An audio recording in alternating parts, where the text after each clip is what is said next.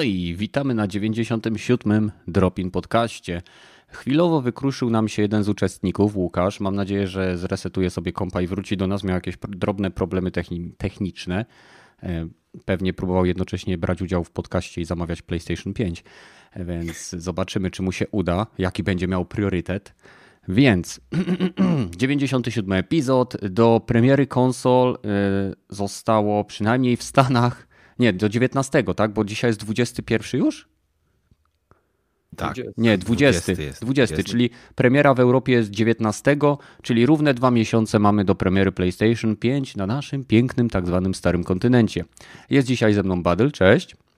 E, witam.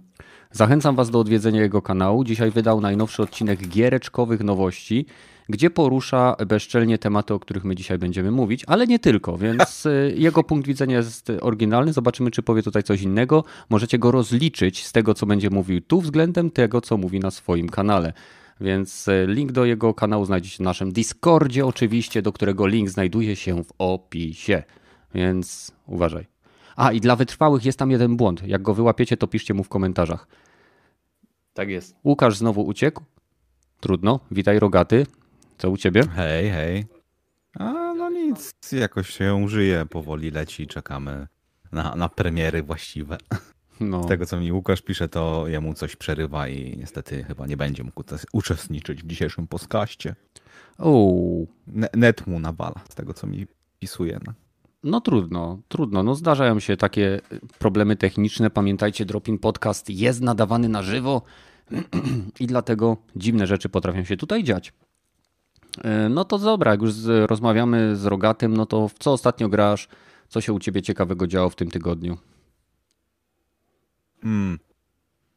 W sumie, szczerze mówiąc, najwięcej to grałem w PC Building Simulator. Poważnie? godzinki. Tak, nudziło mi się troszeczkę, a poza tym kupiłem tą grę w końcu. E, na, na tym, e, na Humble Bundle był jak jeden z, z jakichś tam bundlów i tam było dosyć tanio, więc zacząłem sobie w to pogrywać i z, z rzeczy tak, PC Building Simulator buduje się, no, jest kariera, buduje się po prostu, serwisuje się komputery i tym podobne bzdury. No, nie ma tutaj za, za, za dużo co opisywać. Mhm. Z innych e, tak jakby... A poczekaj, jeszcze mam pytanie. E, ten mhm. PC Builder pobiera części z jakichś autentycznych baz danych, czyli możesz sobie, to jest na zasadzie takiego półmarketingowego narzędzia, które e, bierze że na przykład rzeczy ze sklepów, e, w sensie prawdziwe produkty, ty sobie to składasz i później na przykład jak chcesz kupić takiego peceta, to możesz sobie sprawdzić, gdzie można kupić te części? E, tak i nie. Jest w każdym bądź razie e, tak jakby dodatkowy tryb, e, jak zbudować własny komputer i tam można spokojnie dobierać części, które są rzeczywiście w sklepach.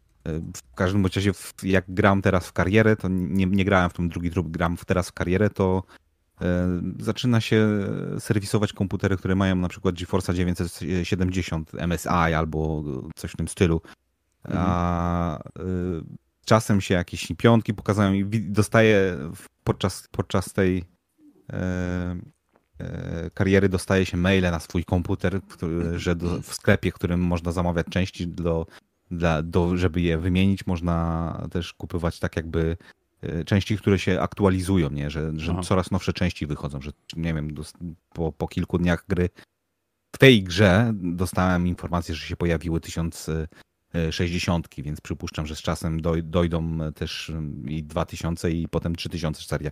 I rzeczywiście mają jakąś umowę marketingową podpisaną, że bardzo dużo e, prawdziwych e, firm, które tam e, które tworzą prawdziwy hardware, to jest, jest po prostu bezpośrednio w grze. Riser jest na pewno, mhm. Corisara jest chyba na pewno, okay. jakieś tam... A a mam jeszcze takie pytanie, no bo to jest gierka, w której budujesz, y, składasz komputer i serwisujesz komputer. Powiedz mi, w jakim stopniu ten tytuł może pomóc komuś nauczyć się składania komputerów y, slash diagnozowania ewentualnych problemów? Czy to jest narzędzie, które, czy gra, która może też mieć jakieś wartości edukacyjne dla kogoś, kto jest załóżmy laikiem w tym temacie? Jeżeli chodzi o podstawy składania, to nie ma, to, to, to tak, to, ale to w obecnej chwili to nowe, nowoczesne komputery są jak mniej więcej jak Lego dla dorosłych. No, mhm. Ciężko a, a włożyć.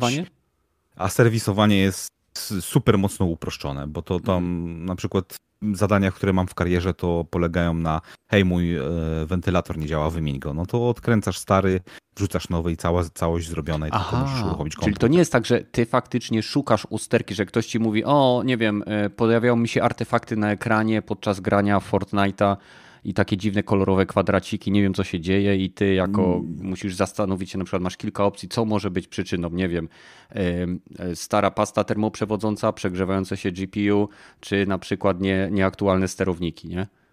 Nie powiem, że tak nie będzie w późniejszych e, jakby częściach gry, bo na razie mam same tylko takie błahe problemy, że właśnie A, mój czyli początek. komputer.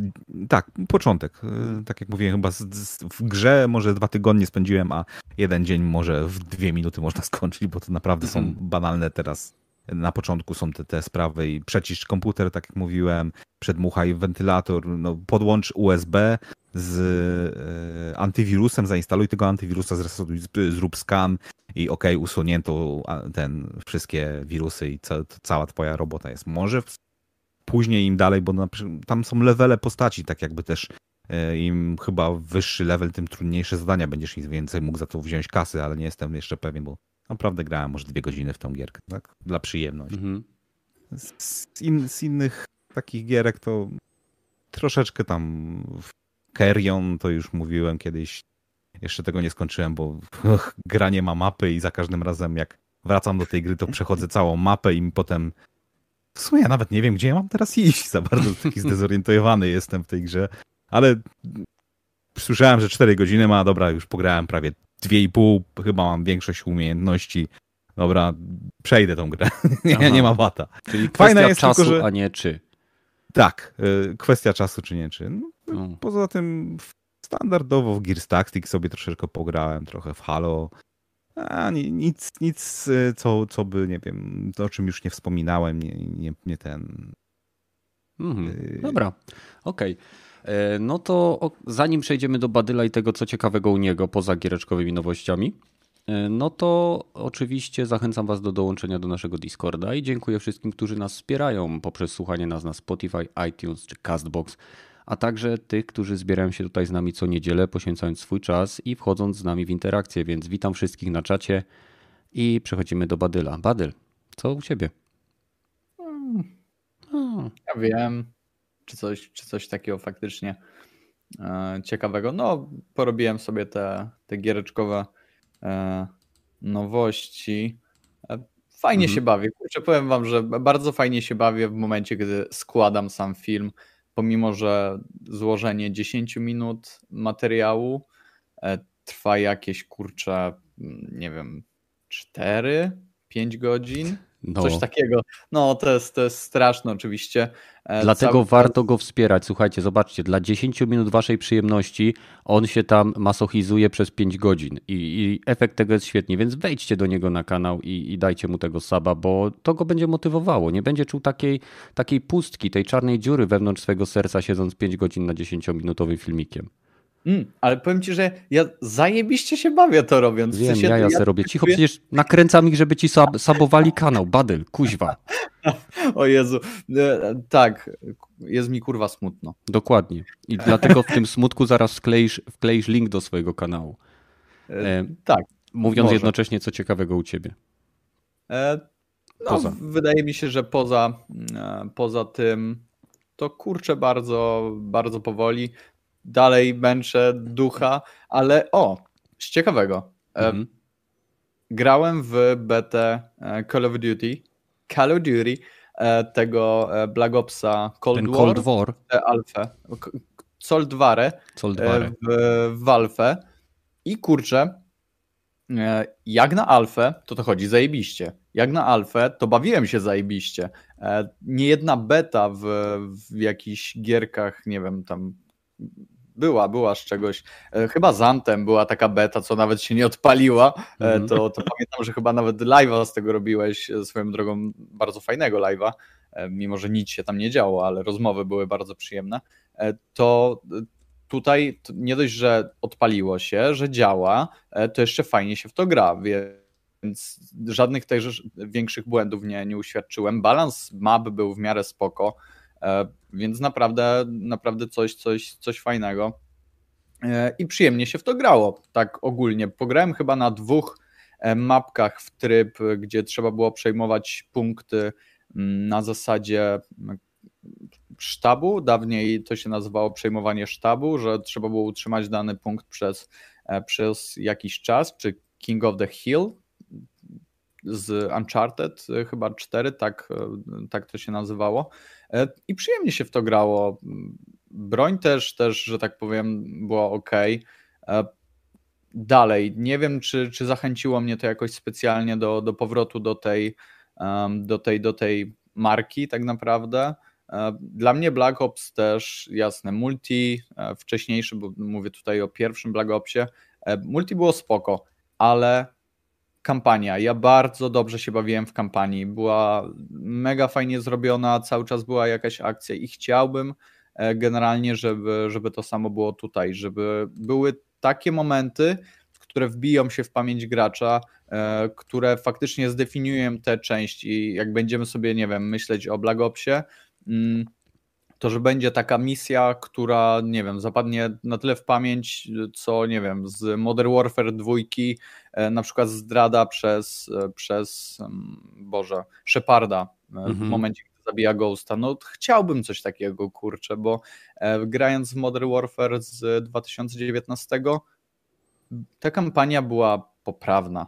To nie była kampania, to była strzelanka, to była poprawna kampania jak na strzelankę, ale to nie było to, co nie wiem, w poprzednich Modern Warfare, e, że faktycznie miałeś wrażenie, że, że tam jest w cholera akcji, że uczestniczysz w niej, że cały czas coś się dzieje. E, jest chwila, moment, e, chwila jest, jest spokojna i nagle bum, dostajesz akcję tak naprawdę, nie wiesz, nie wiesz skąd. Ale no niestety w Modern Warfare tego nie uświadczyłem, także mam nadzieję, że może tutaj coś się zmieni, e, nawet dlatego, żebym, nie wiem, że, żebym sobie to kupił e, nie na, nie na premierę, bo, no bo jakoś niespecjalnie mnie to interesuje, ale żeby pograć sobie w to, nie wiem, jak okay. a nie na jakieś promocje. Powiedziałeś, że ci się fajnie grało w multi, w sensie y, tutaj pytanie od razu z czatu, czyli co, kupujesz dla multi? E, no nie, nie ma takiej opcji. Tak jak mówię, nie, nie wrócę. To jest, wiem, że mógłbym się pobawić e, na chwilę, fajnie mhm. w to, ale to, to nie jest, to nie jest coś, co mnie zatrzyma na dłużej. No niestety, Apex i wróciłem sobie, wczoraj pograłem tam, nie wiem, z godzinkę, półtorej w tę w te alfę, wróciłem sobie do Apexa i grał mi się tak mega przyjemnie, że no nie ma porównania, naprawdę. To, co robi Respawn z, z tym feelingiem, z, z rozgrywką po prostu, e, no jest nie do, nie do przeskoczenia moim zdaniem. No dobra, no to płynnie przechodzimy do mnie. E, ja osobiście jestem w trakcie czyszczenia drugiej wyspy w Tsushimie. Nie potrafię odpuścić i jeszcze kilka punktów mi zostało i pcham fabułę dalej. E, jeżeli chodzi o Alfę Koda, e, planowałem dzisiaj zrobić transmisję na żywo, ale wczoraj byłem w sobotę w pracy i wróciłem dopiero dzisiaj i nie byłem w stanie. Położyłem się, spałem do godziny 17, chyba od 13 do 17, no i nie, był, nie było szans, żebym był w stanie cokolwiek poprowadzić. Jeżeli chodzi o Alfę Koda, grało mi się w to, jak e, w pierwszego Modern Warfare, powiem szczerze. Time to Kill e, mam wrażenie, że jest znacznie wydłużony. Mm. Zachowanie broni i sposób biegania, ciężar postaci, same tempo rozgrywki jest wolniejsze niż to, co można znaleźć w obecnie wydanym kodzie. I przyznam szczerze, że nie podobało, znaczy nie podchodziło mi to zbyt dużo było. Z jednej strony ze snajperki byłem one-shotowany, nawet jeśli, do, jeśli dostałem w korpus, ale podobno snajperki mają być znerfione. E, z drugiej strony, niezależnie jaki, jaki miałem karabin maszynowy, to wymiana ognia z przeciwnikiem, miałem wrażenie, jakbym grał w pierwszą część multi Halo, gdzie, gdzie tam się skakało dookoła siebie, zanim się przeciwnikowi shielda ściągnęła, dopiero później się go wykończało. Więc ja osobiście mam wrażenie, że E, fajnie dla niektórych graczy, że się cofają do jakby korzeni gameplayowej korzeni serii, tak, tej, tych czasów Modern Warfare czy pierwszego Black Opsa, ale mam wrażenie, że ludzie, którzy będą się chcieli przesiąść z obecnego koda na następny, odbiją się od niego, bo uznają go za zbyt wolnego. No i, i w zasadzie tyle. Mhm. No, hmm. dobra. To czekajcie, zaraz sobie chwycę te nasze ludki. E, przechodzimy do Night City Wire, epizod trzeci. E, nie był jakoś szczególnie długi ten epizod. Mam wrażenie, że krótszy był niż, niż inne. Chyba 20 minut to trwało. No dokładnie, ale był dosyć treściwy, taki mięsny, że tak powiem. Jak, jak mhm. go skończyłem oglądać, czułem naprawdę taką chęć i większe zainteresowanie tym tytułem, nawet niż przy poprzednich. Podobało mi się to, co mówili o konstrukcji miasta, o różnych gangach, o relacjach między nimi. E, no i, i ogólnie jakie jest wasze spojrzenie? Co, co, co wam się spodobało? Czy było coś, co wam nie podeszło? Bo jedna rzecz, którą zauważyłem, że mam wrażenie, że urealnili jakość grafiki, którą pokazywali. Na niektórych e, teksturach związanych z wielkimi telebimami, czy e, przy zbliżeniach niektórych rzeczy było widać, że jakość tej grafiki jest już bliższa temu, co będziemy oglądali po faktycznej premierze gry. Nie, nie mieliście takiego wrażenia, że jakby to tak wyglądało normalnie, a nie tak next genowo? Kto chce ugryźć pierwszy, tak? No gryziesz rogaty. No, jeżeli chodzi o sam gameplay, który pokazali w... E, no nie wiem, te ucinki były dosyć naprawdę ciekawe. Jednak ta ilość szczegółów robi dosyć duże wrażenie. Te, te rozmaitość też tych szczegółów, że nie, nie czuć, że to jest kopiuj wklej, że to wszystko jest bardzo unikatowe. O tym mhm. też właśnie wspominali, że nawet śmieci ręcznie rozrzucają po ulicach. Tak, Najpierw tak. stworzyli ładne miasto, a potem je spieprzyli, że tak powiem, bezczelnie. Mm. E, ale wiesz co, w grze wygląda to może nie, nie tyle, że o, mind blow next genowo, ale wygląda naprawdę, naprawdę solidnie. Znaczy o tym, tym mówię, że... tylko, że przepraszam, że ci wejdę w słowo. Chodzi mi o to, że jakby wcześniej, jak były trailery czy materiały, to wszystko było ostre jak żyleta, wręcz nierealnie ostre, nie? A teraz jak się patrzy na te gameplaye, to one autentycznie wyglądają jak, jak, jak wzięte z produktu, który może trafić na półkę. A nie, nie no. mówię, że to wygląda źle, broń Boże, tylko że realnie. Wydaje mi się też trochę, że więcej tak jakby post-processingu dorzucili, zwłaszcza w tych e, nie gameplayowych tak jakby momentach, gdzie te takie ładne przejścia są, to bardzo dużo używają tego e, Boka Fields of Depth, to ten głębia ostrości taka ładna w tych, tych, tych ładnych, w powolnych kascenkach, co oni pokazują, ale też wydaje mi się, że te screenshoty na przykład z, z RTX-a to ok, dobra, Chyba będzie trzeba kupić tego RTX 3080 albo nową generację. Jak już wyjdzie patch dla e, ray tracingu na nową generację, to wtedy będzie naprawdę ok, to jest ta gra, która może pokazać to, co rzeczywiście będzie to miało sens, ręce i nogi. Wreszcie ten ray tracing rzeczywiście będzie e, tak jakby kopał tyłki albo robił ten efekt wow, bo jak na razie to były ciekawe, ale nic, nic co takiego nie urywało dupy, nie? No, A musimy tutaj... też pamiętać, że CD Projekt Red zapowiedział, że ta wersja, która wychodzi, będzie miała lekki upgrade do konsol next-genowych, ale faktyczna next-genowa wersja będzie miała dopiero premierę, więc będzie to prawdopodobnie coś na zasadzie tego, co będą robili z Wieśkiem, że to będzie taki, takie jakby nowe wydanie z masą usprawnień. Może dodadzą część tych rzeczy, które wycięli. No, miejmy nadzieję, że ten upgrade nie będzie trzeba czekać dwa lata, bo to by było takie mm. be bezczelnie śmieszne. No ale oprócz tego właśnie same gangi były naprawdę ciekawe. Voodoo Boys jak zawsze naprawdę fajnie, mi się podobają Voodoo Boys, nie wiem mi dlaczego, ale e, ci z tą gigantyczną e, modyfikacją ciała, jak oni się nazywają, e, nie chcę one Kurczę, wiem o czym mówisz. Czerwone oczy. Czerwone oczy tak. mają. Tak. Nie wiem, no bardzo psycho, psychodeliczni są tacy. Nie, niezrównoważeni psychicznie, dlatego że się tak mocno zmodyfikowali. No zaraz nam cybernetyką i. Nie są ci Animals? Nie, nie, Animals, nie, to, nie, animals, animals to są ci, co sterydy i siła, a tamci się nazywają. E... Maelstrom. Maelstrom, tak. dokładnie. No. Tak. Teraz mi się przypomniało. E, ta, ta ich głęboka modyfikacja. Ciekawe, bo tam pierwszy chyba właśnie gameplay to właśnie z nimi się walczyło, tak jak tak. Na, na, ich terytorium i był gościu jeden w Power Armorą, którego się rozwajał, a za, zastanawiam się, czy będą zupełnie jacyś e, co, zupełnie co nie przypominają ludzi. Jakieś, do, dobra, będzie tylko głowa na e, ciele pająka e, robotowego, podobnego na, na mhm. parzała, bo no. naprawdę no to by mnie fajnie, fajnie by to poszło. Wiesz co, Adam Smasher troszeczkę wygląda jakby był takim totalnie, totalnie cyberorganizmem. Nie wiem, ten co zabił Johnego Silverhanda, co mówili o nim e, w jednym z trailerów. Hmm. Nie wiem, czy każesz, mijasz go, jak on idzie do windy i ty go mijasz, taki wielki syn, wiadomo, hmm. praktycznie cała stal, tylko troszkę głowy miał. Aha. Hmm. Jak masz na imię Adam i na nazwisko Smasher, no to nazwisko zobowiązuje, nie? Fakt.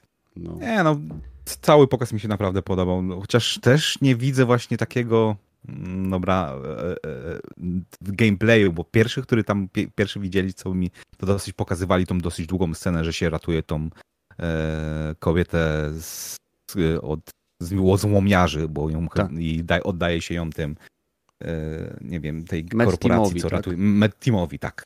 I, I, tu był gameplay pokazany i on wyglądał całkiem Trauma dobrze, ale jakoś. Trauma Team, masz rację. I w tej chwili żadnego takiego dosyć duże, dłuższego gameplaya nie pokazali, ani nic z walki mm -hmm. wręcz, ani przy pomocy tych e, broni białych za bardzo nie pokazali. Trochę strzelaniny pokazali, trochę, trochę, się, trochę się tym martwię, że je tak yy, no może lepiej nie pokazujmy, bo to nie jest najlepsza część naszej gry, tak ale pożyjemy, zobaczymy. Już naprawdę niedługo do premiery zostało, więc nie, nie ma się co martwić za bardzo. Powinni, powinno jeszcze chyba jedno Night City być przed premierą, albo nawet dwa odcinki, więc wtedy będziemy wiedzieli więcej. Pewnie tak, pewnie tak. Ja jeszcze jestem ciekawy, co tam pichcą w zakresie multi, ale to jest odległa pieśń. Co ty sądzisz, Badyl? No tutaj to, co mówiłeś a propos tej grafiki, no to faktycznie miejscami widać, że, mm, że no wygląda to nie tak, jak, jak gdzieś tam to, to, to było prezentowane na początku.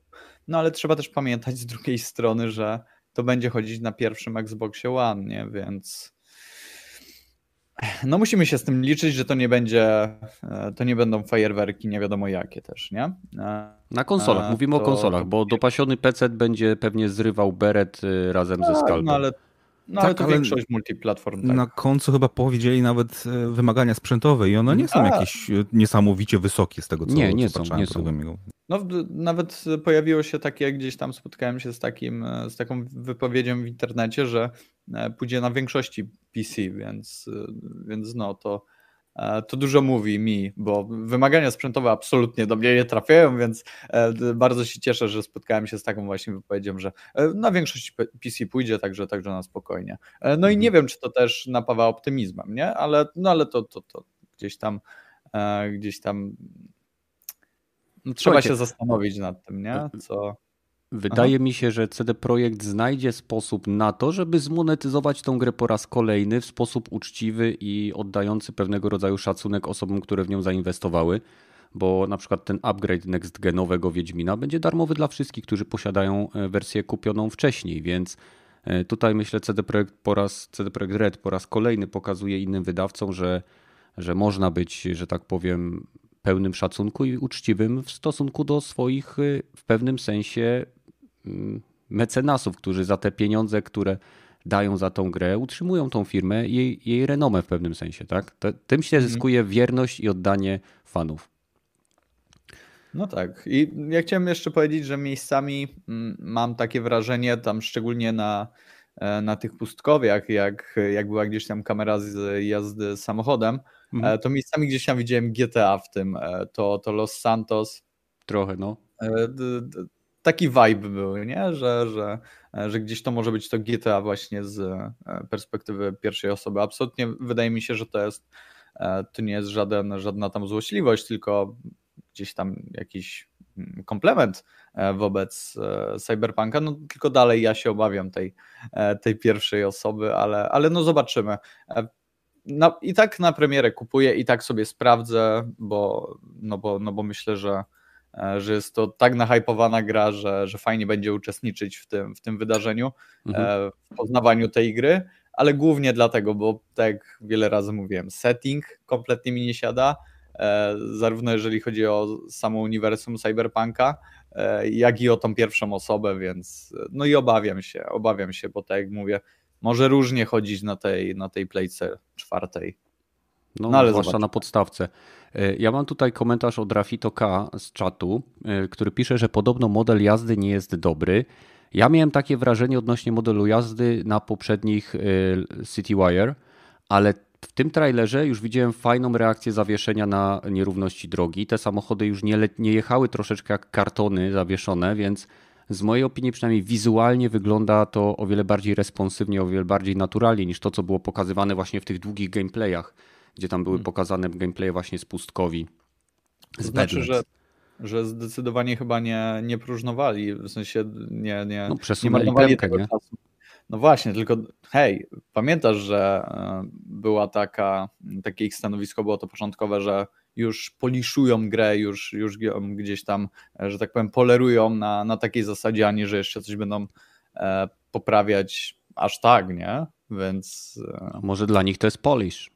A no, okej. Trudno no. powiedzieć. No w każdym razie y, nie wiem dlaczego w sumie nikt nie domyślił się, że CD Projekt przesunął premierę Cyberpunka na 19 i akurat 19 jest też premiera w Europie PlayStation 5. Nikt jakby nie połączył tych dwóch faktów, że taka duża gra mogłaby chcieć być dostępna zarówno na obecnej, jak i następnej generacji konsol. To jest dosyć ciekawe, nie? Prawda? Tak, zdecydowanie. No. O, Dobra. Jeżeli o mnie chodzi i o Night City Wire, bardzo mi się podobał ten epizod. Bardzo mi się podobało to, w jaki sposób zbudowali klimat miasta. Jedyne, do czego mam zastrzeżenia, to były sceny, gdzie było widać, że postać niesie broń białą i do niej strzelają i ona wyko wykonuje jakby gest jakby zasłonięcia, taki skierowany ostrze bokiem, ale w ogóle nie rusza tą ręką i dla mnie to wyglądało tak głupio. Ja rozumiem, jakby to było coś na zasadzie Genjiego, tak? Że masz umiejętność, która pozwala ci odbijać kulę. Ale on po prostu podnosił rękę, tak jakby sobie robił przecinek na czole i szedł w kierunku ludzi, którzy do niego strzelali. Więc o ile ten sztylet nie emitował jakiegoś pola magicznie, elektromagnetycznie odpychającego kulę, to wyglądało to dziwnie. E, najbardziej w cyberpunku obawiam się walki bronią białą i walki wręcz, ponieważ w, widoku z pierwszej osoby w mojej opinii jest bardzo trudno uzyskać dobry system walki z pierwszej osoby czy bronią białą. Do tej pory, o ile dobrze kojarzę, to kurczę była taka gierka o skazańcu. Riddick? E, Riddick nie. Riddick był w miarę ok, ale jeszcze inna. Taka, gdzie było miasto, gdzie były kruki, taka czarna maź i gangi. To Condemn. Było... Condemned, tak, dokładnie. E, I tam mi się bardzo podobał ten system. No i w Dying Light też, e, czy de... tak, Dying Light te, też był fajny system, taki responsywny, że było czuć te bloki i, i ogólnie przyjemnie się grało. A w większości przypadków to systemy walki z pierwszej osoby wyglądają jak w Elder Scrolls gdzie po prostu biegasz dookoła przeciwnika machając mieczem, nie?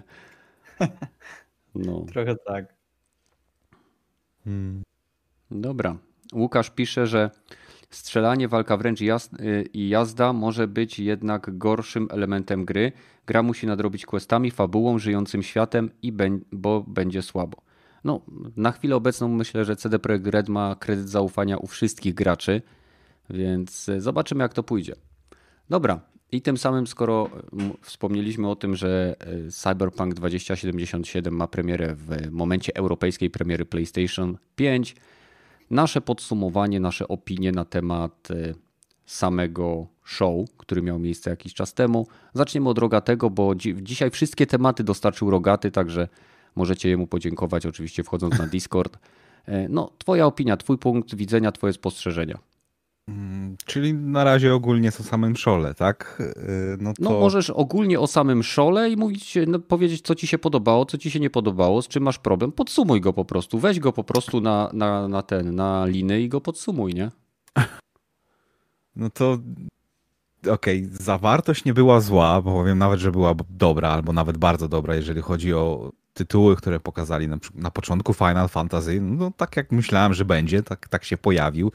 I o ile właśnie mi znowu nie lubię właśnie takich pompatycznych e, e, nie sci-fi, fantasy, super high, high-end fantasy, czyli takich bardzo to tutaj też było troszeczkę klimę, tak jakby, ja wiem, Wiedźma, wieś, wieś, Wieśka czuć troszkę... z Devil May Cry, nie? Dokładnie. Mm. Te, te bagna zwłaszcza jak pokazali. Naprawdę mało urywków takich było dłuższych, które by pokazywali cały, cały gameplay, więc ten nie wiem za bardzo, jak ten system walki będzie jeszcze tam wyglądać. Nie wiem za bardzo, e, jak. Nawet interfejsu nie było zupełnie pokazane, no więc właśnie, nie, jestem, nie jestem pewien, e, jak będzie się grało w tą grę, ale o wiele bardziej pozytywnie niż myślałem. Wolałbym, nie wiem, Space Opera właśnie w świecie Final Fantasy, ale no dobra, nie dostałem tego, co chciałem, ale przynajmniej dostałem to, co też mi się podoba, nie?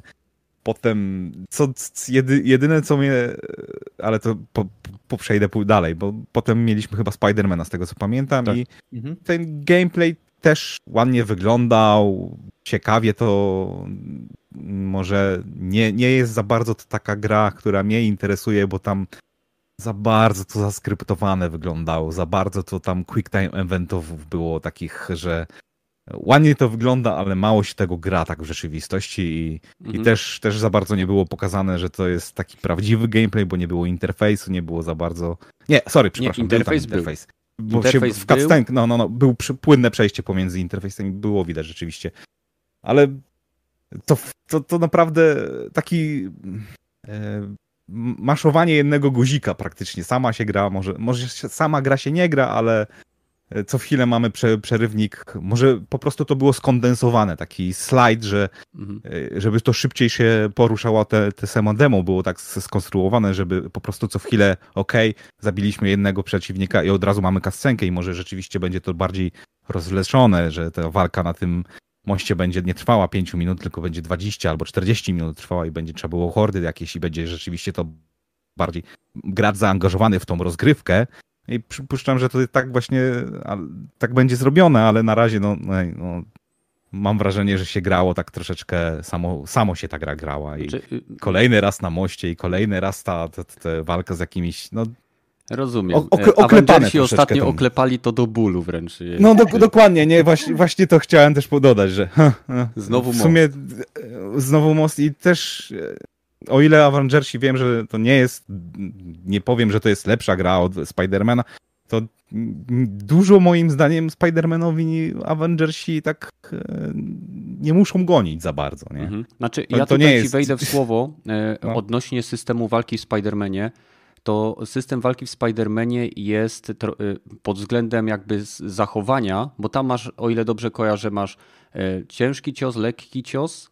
Mogę się mylić, bo dawno nie grałem, ale oprócz tego masz jeszcze umiejętności. I system walki w Spider-Manie przypomina troszeczkę system walki z Assassin's Creedów, gdzie naciskając hmm. odpowiednie przyciski i wychylając gałkę w kierunku przeciwnika, E, są niesamowicie płynne przejścia animacji między jakby tym, co robi postać. A oprócz tego, jeżeli wykonujesz określone ciosy w określonej sekwencji, to się aktywują finishery, które tam było widać, jako tam kogoś podcina, wystrzeliwuje w górę, sam wyskakuje i później robi mu jakiegoś tam, nie wiem, shota w pysk.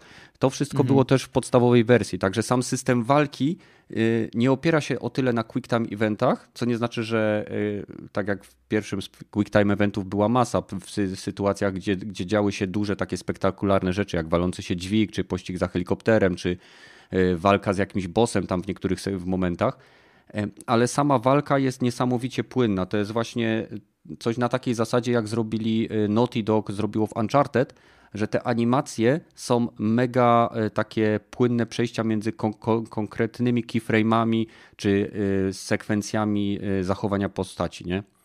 Więc to, to mhm. tak wygląda ze względu na tą animację bardziej niż na maszowanie. Chociaż prawda jest taka, że tak jak w Avengersach, o których wspomnieliśmy, możesz grać napieprzając jeden przycisk, to jeżeli ktoś będzie chciał, to może się zagłębić w ten system i robić różnego rodzaju triki, nie? Więc to tyle, oddaję głos. E, no to, hmm, żeby nie mówić o wszystkim, no to tylko przelecę jeszcze szybko, że e, ze świata Harry'ego Pottera rzeczywiście dostaliśmy tą grę, grę. Ciężko mi powiedzieć, nie jestem znawcą świata Harry'ego Pottera, nie czytałem filmów, nie czytałem filmów, nie oglądałem dobrze. filmów, nie czytałem książek, więc ciężko mi, mi, powiedzieć, czy to wygląda dobrze, czy, czy oddaje klimę, ale jako gra wygląda całkiem. Okay. E, co, co potem chyba Call of Duty było, no to Call of Duty. Jak wiadomo, że Call of Duty wyglądało znowu taki bombastyczny moment e, rodem z filmu Michaela Beya, tylko akurat teraz chyba był film Wszyscy Wściekli numer 6, jak ścigali przez 20 minut samolot na tak, pasie startowym. To tutaj chyba tak samo będzie. elektryczny, kuźwa. Ale takie overkille tam były, jak widzę, złapał gościa, wbił mu nóż gdzieś w gardło, wziął jeszcze granat, przyczepił mu ten granat do koszuli, odepchnął go w kierunku beczki z paliwem, jeszcze strzelił w beczkę z paliwem.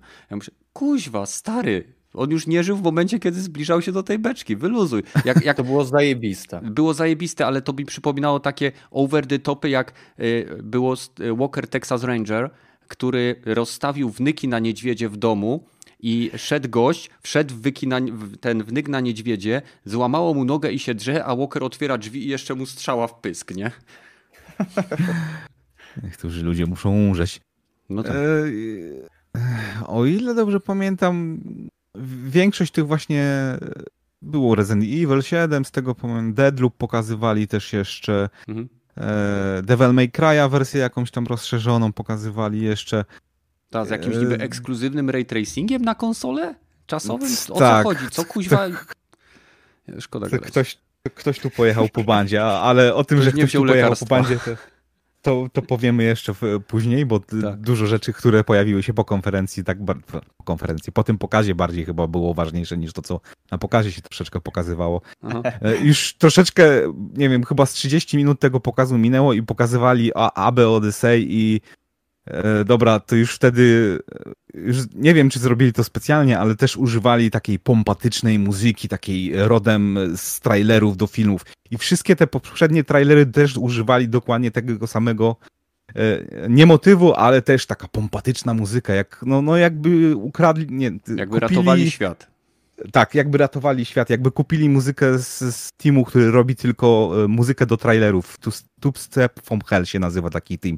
I, I wrzucili to e, trailer za trailerem, ta sama nuta, o jakie to e, wielkie, rozwalające umysł niesamowite i jak doszli do a, właśnie nowej części takiej AB Odyssey, to już okej, okay, zacząłem się śmiać z tego troszeczkę i już mnie to takie, okej, okay, trochę, trochę mnie to zdurzyło te, te, to samo na, na tą samą nutę. No i no, oczywiście tam pokazali tego Demon Soulsa jeszcze całkiem fajnie wyglądającego. Y, konferencja konferencja. Co najważniejsze, to rzeczywiście pokazali wreszcie e, cenę e, obydwu konsol, co hmm, będziemy dyskutować o tym jeszcze. No okej. Okay. Więc oddaję głos do Badyla, powiedzmy, bo on chyba teraz po kolei będzie. Może być Badyl. Co, co on sądzi o tej no, całej konferencji? Okej, okay. Badyl jako, że jest okrzyknięty fanboyem tutaj na czacie, więc może A. zacząć teraz. Ja, ja wam powiem tak, ta konferencja była dla każdego, bo tak naprawdę dostaliśmy tu mega zróżnicowane te gry, bo był i horror, e, był Spider-Man, była, czyli taka, no nie wiem, czy mogę nazwać to gra akcji, trochę, trochę gdzieś tam z elementami jakimiś przygodówkowymi. E, była, była strzelanka oczywiście, był kod. E, nie zabrakło też takich bardzo niszowych gierek, a przynajmniej w mojej opinii niszowych jak Five Nights at Freddy's, która nie wiem, jak, jakim cudem się tutaj w ogóle znalazło, ale, ale, no ale było, ktoś, ktoś sobie postanowił o tym przypomnieć. Był właśnie Oddworld, który tak, faktycznie zauważyłem, że wszystkie, wszystkie trailery mają taką podniosłą tą, tą muzykę, taką, taką ciężką, tam wszędzie są te horny takie, e, wjeżdżają, no to brzmi tak, no ale to też nadaje klimatu, nie? To jest też taka mroczna gra, przynajmniej w moim, e, w moim odczuciu, gdzieś tam jest przebijana jakimiś, e, jakimiś żarcikami. E, co poza tym, no Fortnite oczywiście się pojawił. Zaskoczeniem dużym dla mnie również poza tym Five Nights at Freddy's był e, e, ten Harry Potter, Hog Hogwarts e, Legacy. Legacy, tak, dokładnie. Hogwarts jest cacy. Hogwarts jest cacy i ta gra też wydaje mi się być całkiem cacy, bo jeżeli nawet chodzi o animację postaci, o ich mimikę, wygląda to nie najgorzej, żeby nie powiedzieć po prostu bardzo fajnie, więc ja jestem ciekaw, jak, jak to wyjdzie. Oczywiście nie jestem ciekaw na tyle, żeby to kupić, ale, ale żeby się tym zainteresować jako ciekawostką, e, to, to na pewno. E, horror, no to już mówiłem, Devloop. Jezus, jak ta gra ona, nie wiem, to jest charakterystyczne gdzieś tam dla, dla twórców e, właśnie Devloopa, że ten gameplay czy ta rozgrywka wygląda tak bardzo drewnianie. Ona mnie tak kompletnie nie, nie przyciąga do siebie. E, jasne, tam się dużo dzieje, ale tak naprawdę strzelanie nie wiem, zero, zero czegokolwiek e, w moim odczuciu, w sensie ja nie mam żadnych emocji pojawiających się w momencie, gdy strzelamy mm. do kogoś, to jest takie nijakie bym powiedział, to oczywiście może być tylko e, z mojej strony i za chwilę zostanę tutaj zjechany, ale kompletnie tak dla tak? mnie tak, no, no to bardzo, bardzo dobrze, bo wiele też osób, na pewno Golda obecny, Golda Gada obecny na naszym Discordzie mówi, że, że jemu znowu strzelanie się mega podoba, E, także no, zdania są podzielone, do mnie kompletnie to nie trafiło. E, trochę remasterów czy remake'ów nawet. Ten remake e, mm, Demon's Souls mega mnie zainteresował w momencie, gdy zobaczyłem, że nie ma hada, jest tylko tak naprawdę jesteśmy my i przeciwnicy. Nic się nie wyświetla, nie ma nie, buteleczek ze stusami, Dokładnie i e, też w momencie chyba, chyba obrywania nic, nic tak naprawdę z ekranem się, się nie dzieje, tylko dostajemy mm. po prostu. Ale mogli schować HUD dla y, potrzeb prezentacji.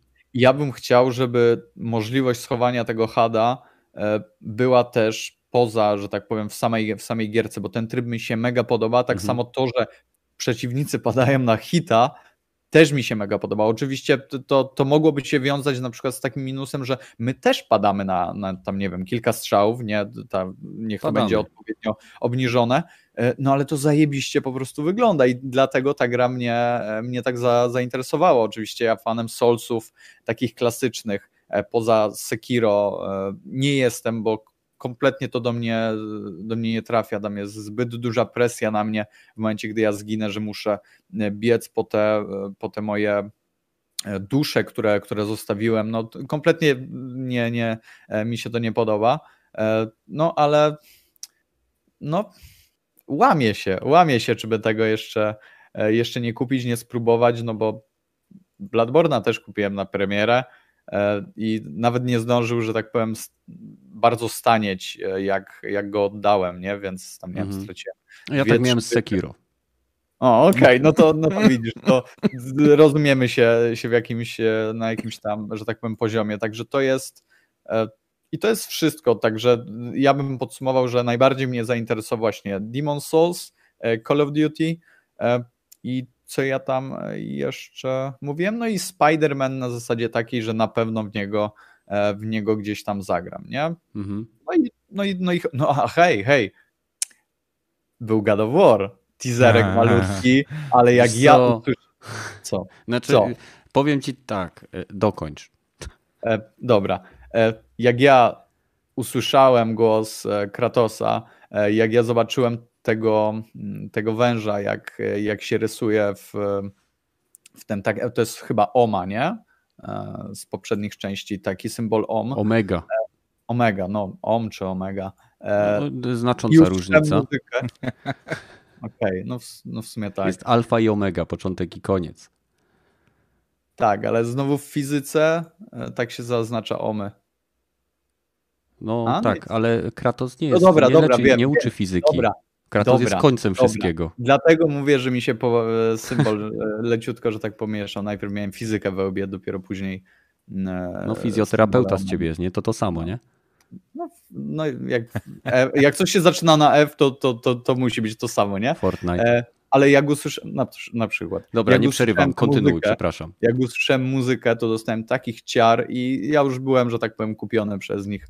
E, może to zabrzmi śmiesznie, trochę muzyki, jakiś symbol i, i, i Badyl jest kupiony, no ale kurwa, jestem fanboyem Sony i mega mi się akurat ta, ta seria e, podoba, więc, mhm. e, więc ja byłem usatysfakcjonowany. Nie? I jeszcze dostaliśmy gdzieś tam, jasne, premierę, nie premierę, ale dostaliśmy informację, że ujrzymy to w 2021 bardzo szybko, nie? O ile nie przełożą. Albo nie. Bardzo szybko. Albo nie. To jest, to jest dokładnie to. W każdym razie fajnie. Ja, ja, się, ja się mega cieszę. Mhm. Hej, hej, mogę tak do, co do tego Deathloopa odpowiedzieć ci e, coś? E, jasne. No, jeżeli chodzi o właśnie gameplay, to może dla ciebie to nie wygląda, ponieważ tam dosyć dużo, dużo, dużo cięć jest w tej grze. E, w mhm. tym pokazie, ale przynajmniej używali dosyć, mają własny styl i własną muzykę przynajmniej, tak mniej więcej mi się wydawało, że mieli też stylowo. Jeżeli chcesz e, jakby zapoznać się z e, poprzednimi grami, to Dishonored i Prey to naprawdę dobre gry. W Dishonored 1 naprawdę świetnie, jak się już nauczyło tak jakby większość tych mechanik, rozgrywki, to tam można było taki flow zdobyć w pomieszczaniu się podczas tych e, przechodzenia tych misji, leveli, że e, stary dupę urywa. Naprawdę jedna Wiem. z najlepiej zaprojektowanych, jeżeli chodzi o właśnie poszczególne misje, gierki. I mam nadzieję, że tutaj właśnie Arkane Studio stanie na, na poziomie tym samym i też naprawdę będzie fajnie się biegało po tych mapach, bo z tego, co tam nawet były te umiejętności, tak jakby częściowo z, z Dishonored, te Blink był główny właśnie. Tutaj mm. też było chyba możliwość właśnie takiego teleportacji się. No i te sześć osób i to zabijanie ich, no zobaczymy jak to będzie miało rzeczywiście... Nadal nie czuję tej całej całości, nie widzę też rzeczywiście całości tej gry, ale poszczególne elementy zaczynają, okej, okay, coraz bardziej mnie interesować. No ale też w przyszłym roku i nie wiadomo kiedy do końca, bo pewnie też mm. będzie miało przesuwę. Jak znam życie. No Dobra, to wszystko. No, no to teraz y, drugi fanboy na, na tym podcaście, czyli ja. Więc jeżeli chodzi o pokaz Sony, to podobało mi się to, że znowu jakby pokazywali gameplaye, z czego pierwszy gameplay był bardzo jasno opisany, że jest to emulowane PlayStation 5 na PC, a później była też na czarnym tle napis, że wszystko co jest pokazane od tej pory e, działa na PlayStation 5. Więc jakby ta przejrzystość mi się podoba. Wiele innych rzeczy mi się nie podoba, ale specjalnie zostawiam, zostawiam to z rogatym jakby na kolejny etap. E, I hmm, tak naprawdę z wszystkich gier, które pokazali, największe wrażenie zrobił na mnie Demon Souls, ze względu na to, jak fajnie ta gra wyglądała. E, wszystko inne, co było pokazane, było po prostu bardzo miłym miłym show, powiedzmy, tak? Najmniejsze wrażenie na mnie zrobił Fortnite, bo absolutnie mnie nie interesuje ta gra, nawet jakby działała w 8K, w 800, 800 klatkach. I tak nie będę w stanie zbudować małego osiedla domków jednorodzinnych w momencie, kiedy ktoś do mnie strzela. No i. E, hmm. No i tyle. No i tak naprawdę ten. Spodziewałem się, że pokażą gry, tak? Nie spodziewałem się, że zobaczę Final Fantasy XVI, chociaż y, były przecieki, że ma być. Y, nie spodziewałem się, że jakby tak naprawdę w tych 40 minutach nie było zbyt wiele gier pokazanych, ale były konkretne sekcje, gdzie widzieliśmy gameplayu całkiem sporo i, i wyglądało to po prostu dobrze. No i no i tyle. No. Przechodzimy teraz może do.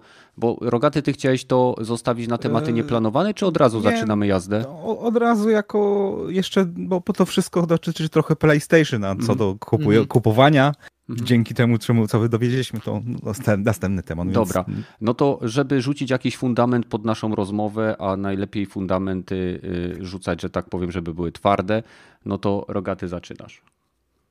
To jeżeli chodzi o Sony, no to tak trochę pojechali e, z tym, co nie powiedzieli na tej, e, na tej konferencji i dopiero trzeba było to przeczytać na blogu. Mianowicie ceny gier na dzień dobry w, w Europie 80 euro. O, o. trochę to będzie bolało. To mówisz, Druga mówisz rzecz... o... Poczekaj, jaka była za 80? E, Demon Souls, tak? Chyba Demon Souls, tak. Demon Souls, bo Spider-Man wiem, że jest niższy. Tylko, że. Tak, wiem, ale że, 50 znowu. Że Malibu, Malibu z kolei e, twierdził, że e, to była, że w Auchan na przykład jest cena o 10 euro mniejsza i tu się nawet chyba na naszym Discordzie zastanawialiśmy, czy to nie jest tak, że część sprzedawców ze względu na to, że na premierę konsoli zawsze ktoś kupuje jakąkolwiek grę, nawet jak to jest gówno, że nie podbijają mhm. też tak. cen e, jakby celowo. Nie mówię, że wszyscy, bo Sony też poszło po bandzie, ale takie absurdalne ceny, wydaje mi się 80 to może być już cena samego sprzedawcy, a nie, nie konkretnie, niekoniecznie Sony, ale kontynuuj. No może tak, może też jest, że o, to jest ekskluzywna Day One Edition i ta kosztuje 80 dolarów i musisz tyle za nią dać. To nie mhm. jest podstawowa. No takie zagrania też, też robiło kiedyś e, w Polsce Blizzard Entertainment, jak wydali Overwatcha, gdzie hej, na ich stronie można było kupić tańszą e, wersję, ale już w sklepach była tylko ta droższa. No i sorry, no, trzeba było kupić tą droższą, bo chciałem mieć pudełko. Więc... No tutaj do pewnego momentu też e, Mediamarkt, jeżeli chodzi o przynajmniej Polskę, miał monopol, jeżeli chodzi o zamawianie w ogóle właśnie PlayStation czy, czy, czy gierek albo akcesoriów, więc myślę, że mogli z tego skorzystać, nie? I, I mogli faktycznie sobie podnieść te ceny na chwilę, no bo mogą to zrobić, nie? Mhm. No dobrze, czyli hmm. pierwsza, pierwsze co Sony spieprzyło, yy, nie podanie cen i prawdopodobnie zakładamy, że zrobili to celowo, żeby materiał wideo, który będzie później w sieci, y, nie został to zdownvotowany do piekła, no bo to by była jedna z najbardziej negatywnych informacji, które w nim były, więc to jest pierwszy, pierwszy grzech, tak? Co dalej? Tak. To rzućmy Badylowi jakąś, zobaczymy, czy znajdzie coś złego jeszcze. Ja o tym cały film nagrałem. No to się powtórz. Fanboy nagrywa film e, o, o, swojej ulubionej, że tak powiem, firmie, e, że robi coś źle. No oczywiście, że zrobili coś źle. W momencie, gdy my, bo oczywiście odbyła się e, transmisja na, na kanale Gracz Watch, gdzie komentowaliśmy całe to wydarzenie. No i kilka, kilkanaście minut po, po całym wydarzeniu Kiwaku powiedział, że Geoff Keighley, czyli no dość, dość mocno związany z branżą grową, nazwijmy to prezenter, e, poinformował nas, że preordery na właśnie PlayStation 5 ruszają dnia następnego. Wydaje mi się, że tak znacząca informacja powinna zostać, e, że tak powiem, dostarczona przez PlayStation. I to co najmniej na tym pokazie. To, że tego, tej informacji nie było, e, wydaje mi się, że, że to był dość duży grzech, bo część osób po zobaczeniu pokazu e, oczywiście oglądała to ten główny pokaz, bo, bo, bo nie chce słuchać jakichś, nie wiem, pajaców w tle, e, tylko chce sobie samemu tego doświadczyć, poszła spać, no bo to było dość późno, nie? Ten, ten pokaz się skończył koło przed 23 no to okej, okay, nie ma informacji o preorderach, kładę się spać, a tutaj tak naprawdę 20 minut po tym dostaję jeb, mogłeś sobie kupić tak naprawdę preorder i one były dostępne w nocy. I nie wiem, czy nawet nie, nie tego samego dnia, to znaczy były na pewno dostępne tego samego dnia, nie jestem pewien, czy w Polsce też, e, ja zamawiałem chyba po północy jakoś w Mediamarkcie, ale w niektórych sklepach za granicą ruszyła przedsprzedaż e, już tego samego dnia, tak naprawdę kilka, kilkanaście minut, e, kilkadziesiąt minut po pokazie. E, to mi się wydaje bardzo nie fair, bo e, w momencie, gdy nie jesteśmy o tym informowani i część z zapaleńców idzie po prostu spać, bo nie wiem, ma kurwa życie i nie żyje tylko giereczkami. To nie są zapaleńcami. Oje, no okej, okay, okej, okay, masz mnie, masz mnie. E, ale bo są w, probo- Ty nie w robocie na nocce. No. Ja nie poszedłem spać i nie wiem, czy, czy wiecie, pamiętacie tę sytuację, e, gdzie Sony otworzyło, dało możliwość dokładnie zapisywania się na możliwość złożenia preordera, że jeżeli preordery ruszą, to zostaniesz poinformowany o tym, że one ruszyły. Tak, e, zostali I tak. poinformowani. Tak. Godzinę po tym, jak już ruszyły. Tak, to mnie rozwaliło zupełnie. Ale w ogóle co? nie dostało się takiej bo... informacji. To jest jakaś bzdura totalna. Ja mam, ja mam no, pytanie, bo e, faktycznie Sony robiło te zaproszenia do możliwości złożenia preorderu. Nie? Absurd mm -hmm. totalny. E, ale w Europie, o ile dobrze kojarzę, nie było takich. To było nie. tylko na Stany. Tak, dokładnie tak. Hmm, to dlatego nie dostałem maila. Ale ja powiem ci, że złożyłem do Excomu mhm. e, o właśnie newsletter, który mnie poinformuje. E, no i też nie dostałem informacji do, do teraz tak naprawdę, mhm. a zapisałem e, swój mail tam i, i nie dostałem. A myślicie, prawda... a myślicie, że mhm. te plany Sony związane z takim cywilizowanym wprowadzeniem tej zapowiedzi preorderów, bo ja pamiętam w jednym z wywiadów, nie pamiętam kto dokładnie, ale ktoś z Sony mówił, żeby się nie martwić, bo o preorderach poinformujemy z wyprzedzeniem. To mówił, tak? to był wywiad z, z jednym właśnie z, mm, Boże, ludzi z Sony i przeprowadzał go nawet Geoff Keighley. No właśnie i teraz moje pytanie brzmi, czy y, y, te całe zamieszanie i to, ta głównoburza, która powstała zwłaszcza w Stanach, y, nie wynika z tego, że Microsoft rzucił, jakby Sony miał plan, tak? Słuchajcie, robimy mhm. to tak, preordery startują wtedy, a tu nagle Microsoft wychodzi ze swoim show i na tym show bum, bum, bum, czas, pras, wszystko tędy, tu i tak leci, nie? I, i Sony, o kuźwa. Za wszelką cenę musimy zrobić to przed y, otwarciem preorderów dla Xboxa, które się no. otwierają 22 chyba, tak? Tak, no dokładnie. dokładnie ale no, że, nadal... rzeczywiście wyglądało to strasznie zraszowane takie.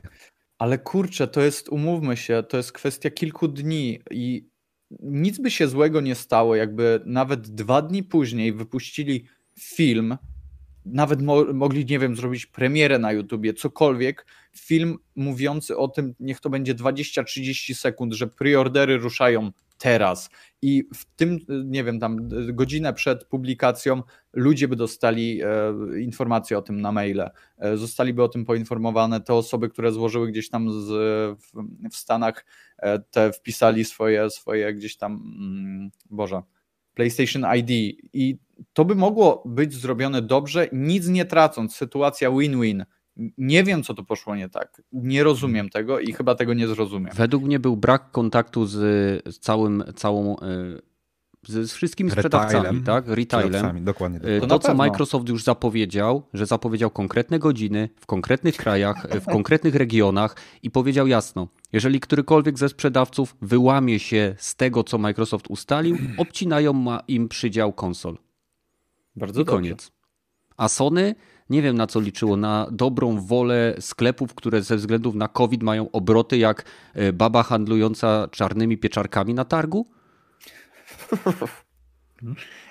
Nie wiem, dla mnie nieporozumienie zwykłe. I... Ok, okropne. Czyli pierwszy, pierwszy grzech e, Sony e, nie podało cen gier. Drugi grzech Sony spieprzyło Y, całe przygotowanie do preorderów, co doprowadziło do ogromnego zamieszania i pojawienia się na serwisach aukcyjnych konsol po 1000 dolarów i więcej. Mowa oczywiście o potwierdzeniu e, preordera. Minus jest taki, że część ludzi, którzy, no wiadomo, tak jak Badyl siedzieli, to kupili, tak, zrobili sobie ten preorder, ale większość osób, która, że tak powiem, ma normalne życie i jest graczami, że tak powiem, standardowymi, a nie takimi hardkorowcami, którzy tworzą swoje kanały w nadziei na e, wybicie się e, ponad, że tak powiem, średnią popularność. No to w tym momencie oni e, stracili tą szansę. Nie mieli możliwości złożenia preorderu i na pewno byli sfrustrowani. Na szczęście te dwa grzechy, można też wspomnieć o tym, że bardzo szybko Sony samo przeprosiło za to, co się stało i e, zapowiedziało oczywiście, że pojawią się kolejne e, jakby przydziały konsol dla określonych regionów. I teraz moje pytanie brzmi: skoro Sony ma więcej konsol, to teraz czy odbierają to regionowi europejskiemu, który ma premierę później, czy mają ogólnie więcej konsol i tworzą sztuczną, e, że tak powiem, sztuczny niedostatek materiału czy produktu, tak jak Nvidia lubi robić ze swoimi kartami na premierę? Albo jest jeszcze trzecia opcja, że mogli po prostu powiedzieć, że będzie więcej konsol. Hmm. I. Nie Rogaty? Jak oh, sądzisz? Najczarniejszy ja możliwy scenariusz? Znaczy najczarniejszy jest możliwy scenariusz, jaki mi przychodzi, to, że nie mają tych konsol, że tam był jakiś przeciek, że uzysk ich chipsów e, jest na poziomie 50%. Chyba Blomberg, Blomberg to pisał, i wydaje mi się, że to może być prawdziwe, zważywszy, że ich customowy chip nie ma możliwości tak jakby obcięcia czegokolwiek, żeby jeszcze działał, bo naprawdę ich w, no, CU jest rzekome w, jak w każdym ale... chipie, ale to Microsoft ma też customowy ale... chip. A, przepraszam, że tak wchodzę gwałtownie w ten, ale dosłownie dzień później y, Sony wydało oświadczenie, że to są fałszywe y, y, informacje. A, że Sony po to, pierwsze to jak... nie udostępniało informacji o tym, że jak idzie produkcja, a po drugie są one nieprawdziwe. Tu, dobra, można wierzyć Sony, ale można też tak jakby przeczytać między liniami, bo oni nie zaprzecili, że te informacje o uzysku są nieprawdziwe, zaprzeci, e, zaprzecili, że zmienili ilość swoich zamówień na konsolę.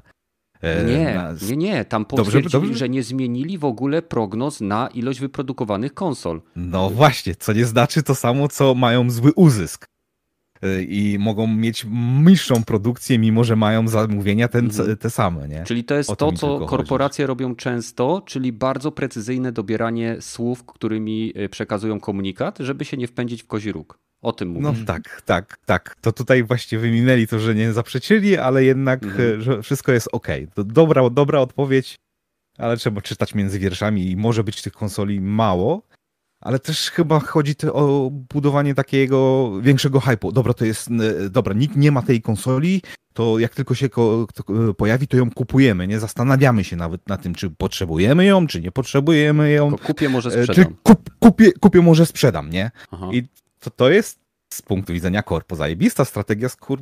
z punktu widzenia konsumenta idźcie, walcie się na ryj. Jak, jak będę mógł sobie pójść do sklepu normalnie w sobotę z kaprysem, kupię sobie e, PlayStation 5, to sobie pójdę i so, to kupię. Jak tego nie będzie na, na półce, to tego nie kupię. No ty masz takie podejście. Pomyśl teraz o takim biednym konsolowcu, jak ja czy Badyl, Oj, dla to którego... Badyl, jak się czujesz z tym? jak byś się z tym czuł, czuł właśnie? No, no. Jak cię ko właśnie korporacja trochę e, bez wazelinki powoli tak w tył bierze. Ale nie, py mam pytanie. Bo... Tak, miłość jest dobra. Dokładnie. E, kim jesteś rogaty, żeby oceniać miłość? E, w każdym razie mam pytanie, Badyl. Załóżmy, że nie, mamy, nie masz możliwości kupienia konsoli w standardowej cenie i widzisz konsolę, którą ktoś sprzedaje na jakimś serwisie aukcyjnym. Jaki jest twój limit kwoty, do którego, od którego byś powiedział, no pojebało gościa? Mm, nie, A ja jaki jest nie kup... ja bym limit nie kupił właśnie?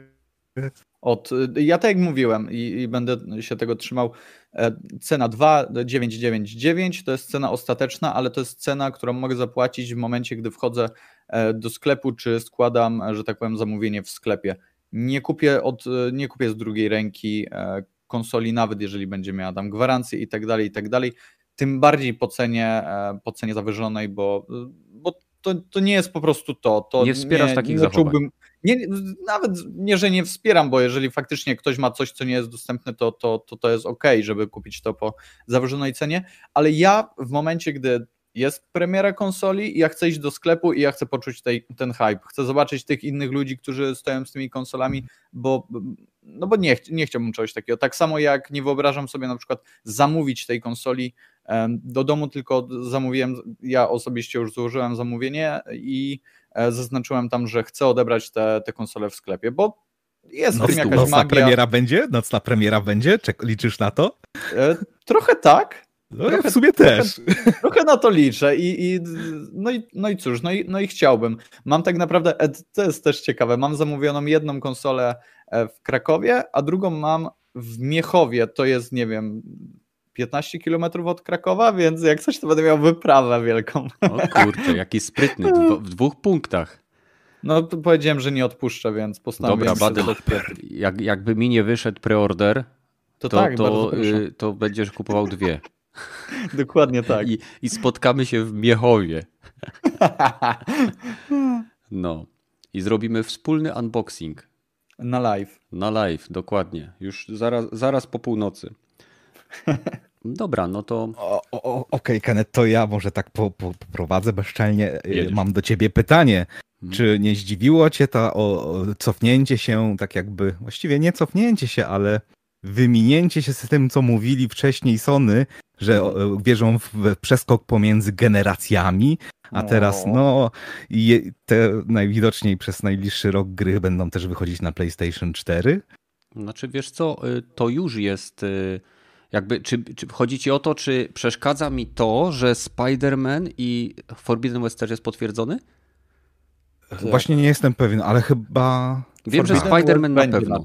Na Co mówisz, tak, Badyl? Tak, Że Forbidden West będzie na czwórce Okej. Okay. E, no to tak. Nie, nie chodzi mi o to, czy, czy, czy mhm. to ci to przeszkadza, czy ci nie przeszkadza to, że korporacja tak e, mydliła oczy troszeczkę. E, Bo to, że, znaczy, jest na obydwu konsolach, to nie powinno chyba moim zdaniem nikomu przeszkadzać. Nie, nawet mi, tak to, wcinam. mi to nie przeszkadza absolutnie. E, ja nawet z ciekawości, jak się dowiedziałem tego wszystkiego, przejrzałem sobie materiały promocyjne związane z tymi grami i materiały związane z wywiadami. I na pewno nie dotarłem do wszystkich, więc jeżeli ktoś e, ma taki ofic oficjalne źródło, gdzie Sony ma swój trailer lub wywiad na jakimś, że tak powiem, głównym źródle, gdzie ktoś z Sony udziela wywiadu, to ani razu Sony e, w odnośnie tych tytułów, czyli mówię o Spider-Manie i Horizon, nie powiedziało, że to jest PlayStation 5 Exclusive, tylko że to jest PlayStation Exclusive, więc to, co mówi Rogaty, jest faktycznie takim lekkim mydleniem oczu. E, a twierdzenie, że przez najbliższy rok e, gry nie będą wychodziły tylko na PlayStation 5, też nie jest do końca jakby uprawomocnione, bo już mamy Demon Soulsa, który jest ekskluzywem tylko na PlayStation 5 i w, oknie, i w oknie startowym mamy Ratcheta i Clanka, który też nie wyjdzie na żadną inną platformę niż PlayStation 5. Co, co do Demon Soulsa, czy tam nie pisało na początku, że tam będzie e, e, też na PC ta dostępne? Wiesz co? A potem po... musieli tweetować, że jednak nie, nie, no. nie, to była pomyłka przez kogoś, sorry, nie, nie, nie, nie, nie. No, więc to pewnie oznacza, że y, prędzej czy później się to pojawi na PC, ale na chwilę obecną się z tego wycofali rakiem, tak? Więc y, tak. chodzi mi o to, że na, jak się pojawi, niech, niech wszystkie gry z PlayStation 5 się pojawią na PC, mi to nie przeszkadza. Chodzi mi o to, że Demon Souls jest tytułem, który nie pojawi się na PlayStation 4. To jest to, o czym mówimy, tak? Czyli o wsparciu mhm. poprzedniej generacji. I y, z jednej strony, tak jak mówię, Sony troszeczkę takim wężowym ruchem obeszło yy, odpowiednio dobierając słowa, tak jak wcześniej zresztą o tym mówiliśmy, żeby nie dać się, y, żeby nie dać jakby komukolwiek haczyka, za który mogliby ich zaczepić. A z drugiej strony, tak pisałem to też u nas na Discordzie, na który Was bardzo gorąco zapraszam. Link gdzieś tam jest w opisie tego materiału.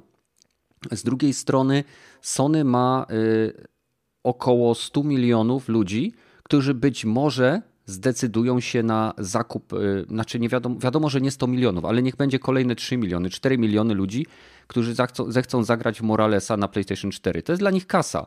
E, I biorąc pod uwagę, że jakby Morales i Forbidden West zostały stworzone w dosyć krótkim okresie, to mi się wydaje, że te silniki są po prostu lekko podrasowane do tego, żeby działać na next genach.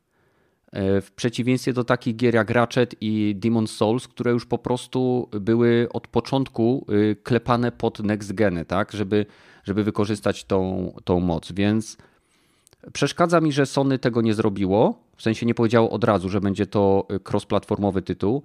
Rozumiem, dlaczego tego nie zrobili, bo w przeciwieństwie do Microsoftu, który podkreśla cross-platformowość czy cross-genowość ze względu na chęć pchnięcia usługi, Sony musi podkreślać next-genowość ze względu na chęć pchnięcia platformy. I jakby mhm. nie podoba mi się to, ale rozumiem, dlaczego oni tak zrobili. Mhm. Co ich nie usprawiedliwia. Nie usprawiedliwia ich. Y, po prostu no, to jest wprowadzenie, y, to nie jest wprost kłamanie, tylko wymijanie się z prawdą. Do, do no. ostatniej możliwej, y, że tak powiem, chwili, tak jak z scenami gier.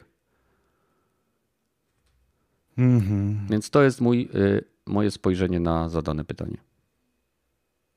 Nie wiem, czy ci się podoba. No tak, w sumie zgadzam się. No. Wiem, yes. wiem, jak korporacje działa, działają, nie ma się. Czekaj, zapiszę e... sobie. Rogaty się ze mną zgadza, drogi pamiętniczku.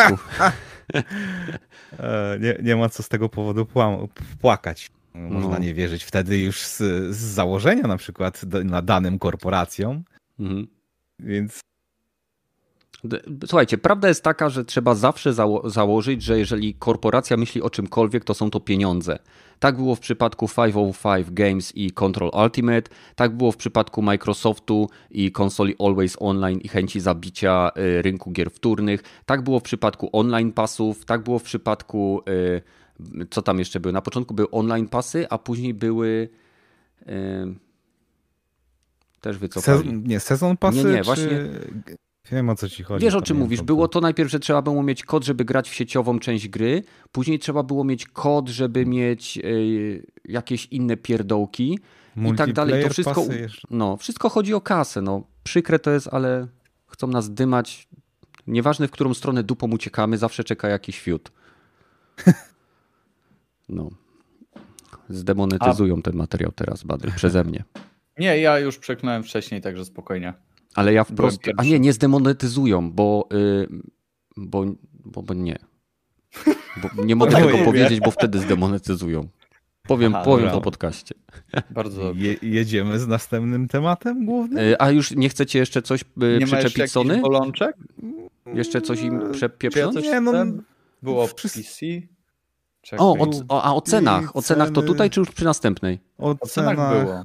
Aha. cenach do samych konsol to przy następnej. No bo Dobra. No i tym samym przechodzimy do kolejnego tematu. 144 osoby na naszym podcaście. E, jest to pewnego sensu, w pewnym sensie podcastowy e, rekord, bo na dropinie e, relacji z PlayStation Show mieliśmy ponad 500 osób. Normalnie nie wierzyłem własnym oczom. Więc dzięki, że z nami jesteście o tej porze w niedzielę. Wiem, że wielu z Was musi iść do pracy jutro. I przechodzimy. Nasze pomysły na zakup NextGena, czyli po prostu zastanawiamy się nad tym, co jest ile warte, w co pakować pieniądze i jeżeli mielibyśmy, e, wiadomo, że my mamy swoje preferencje, ale postaramy się w myślę w miarę e, obiektywnie za, zastanowić, e, co jest najbardziej opłacalne dla każdego, na co zwracać uwagę. To będą osobne punkty widzenia każdego z nas. Mam nadzieję, że napiszecie w komentarzach również swoje, dlaczego załóżmy decydujecie się na zakup określonej platformy, więc zachęcam Was do tego, bo dzięki temu być może pomożecie komuś y, w rozwiązaniu takiego dylematu. Y, zaczynamy od rogatego, bo to są Twoje tematy.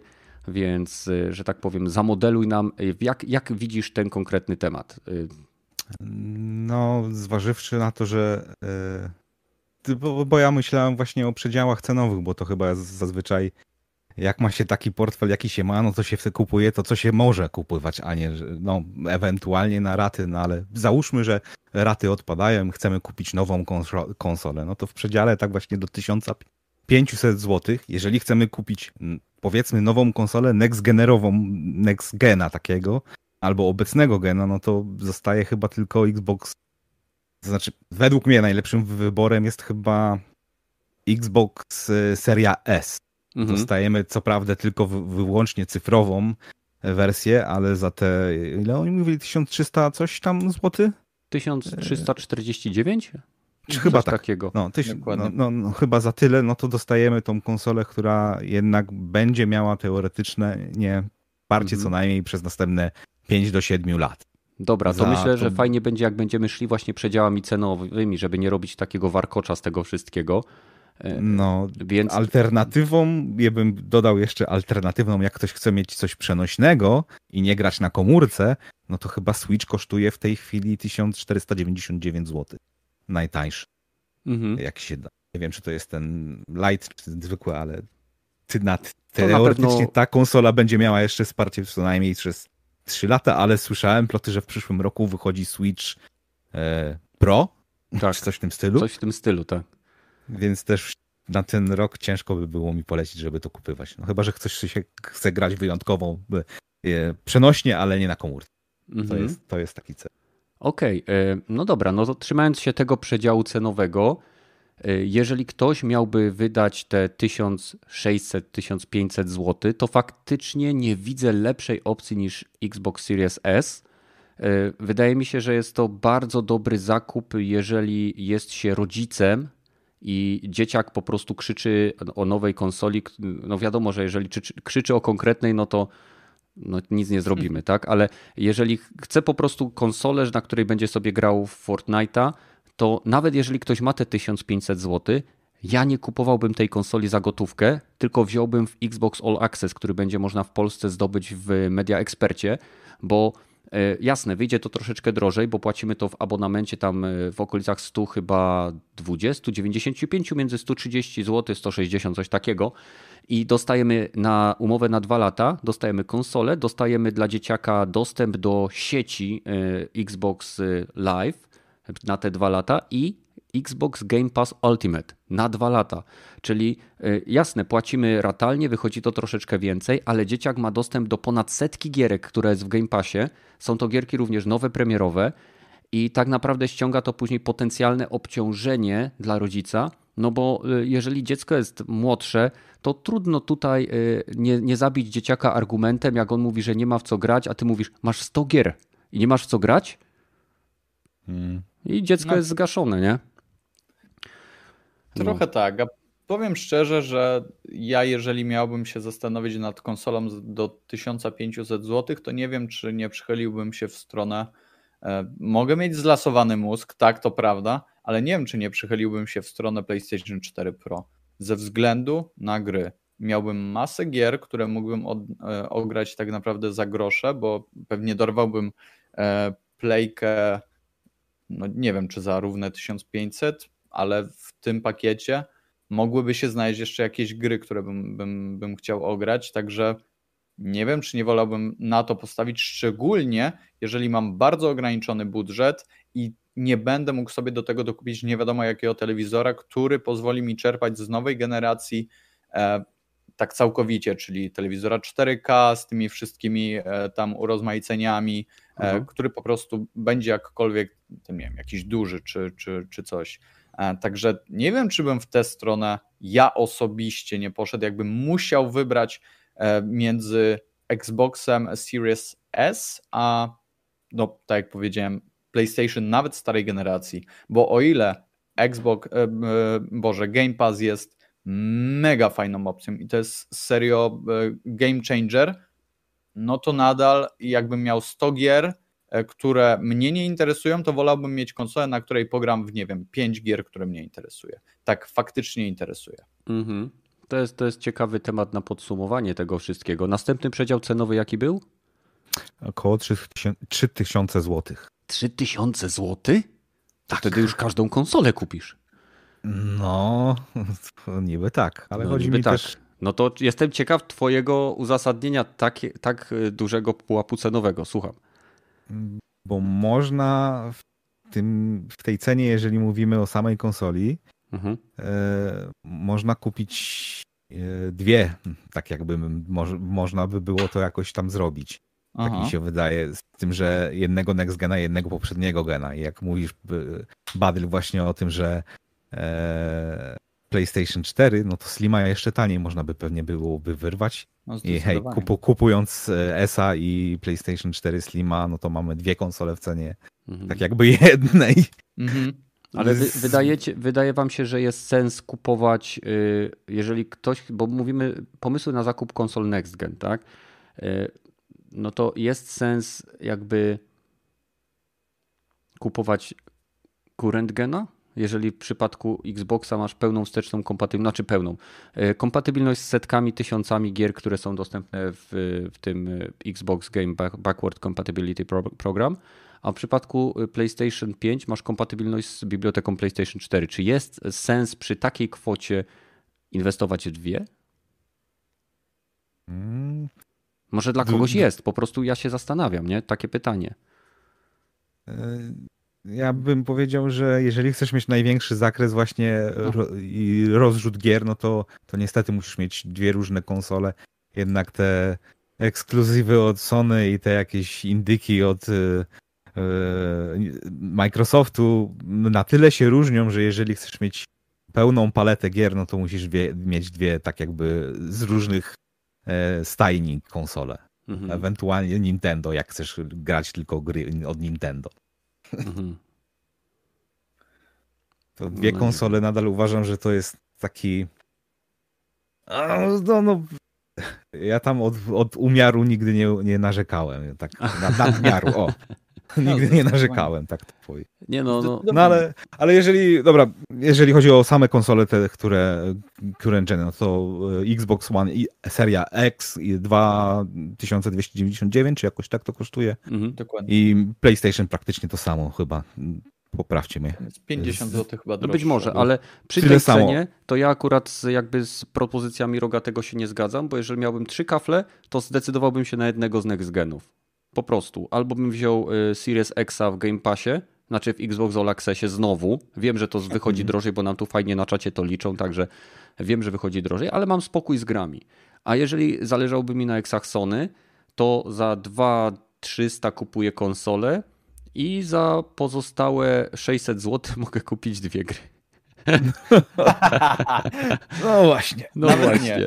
Boli jak cholera. Ale dobra, no ja w tym przedziale cenowym y, ja osobiście wybrałbym jednego z next genów, ale nawet nie zastanawiałbym się, czy mam odpowiedni telewizor, bo y, tak naprawdę telewizory ludzie zmieniają y, co kilka lat, tak? I może ktoś akurat, nie wiem, rok czy dwa lata temu kupił telewizor 4K z łączem HDMI 2.0 i tak naprawdę to łącze HDMI 2.0 wystarczy Wam do zabawy z konsolami Next Gen. Jasne, będziecie mieli co prawda ograniczenie do 4K w 60 klatkach. To dopiero ile gier będzie w 60 klatkach e, działało na obu konsolach, to dopiero zobaczymy. E, tracicie dostęp do pewnych dodatkowych opcji, ale to nie wpływa jakoś szczególnie na wasze doznania. To, to e, nadal będzie świetna rozgrywka i prawdopodobnie większość osób, gdyby posadzić między telewizorem 4K i z, z łączem HDMI 2.0 i telewizorem 4K, załóżmy tej samej marki z HDMI 2.1 i włączonym variable refresh rate, to prawdopodobnie standardowy gracz nie zauważy różnicy, nie dostrzeże screen tearingu, który pojawi się w, na przykład na telewizorze z HDMI 2.0, bo większość ludzi tego nie zauważa. Od tego mamy takie kanały jak Digital Foundry, żeby nam, jakże, jak powiem, no jak głupkowi pokazali kreseczkami, gdzie, gdzie ekran jest lekko ścinany, bo klatka nie została dostarczona w momencie, kiedy ekran się akurat odświeżał. Więc e, ja osobiście w tym przedziale cenowym e, szedłbym w czystego next gena i tu bardziej e, od razu powiem, że w tym wypadku patrzyłbym na gry, w które chcę zagrać, a nie na konsolę, którą chcę kupić.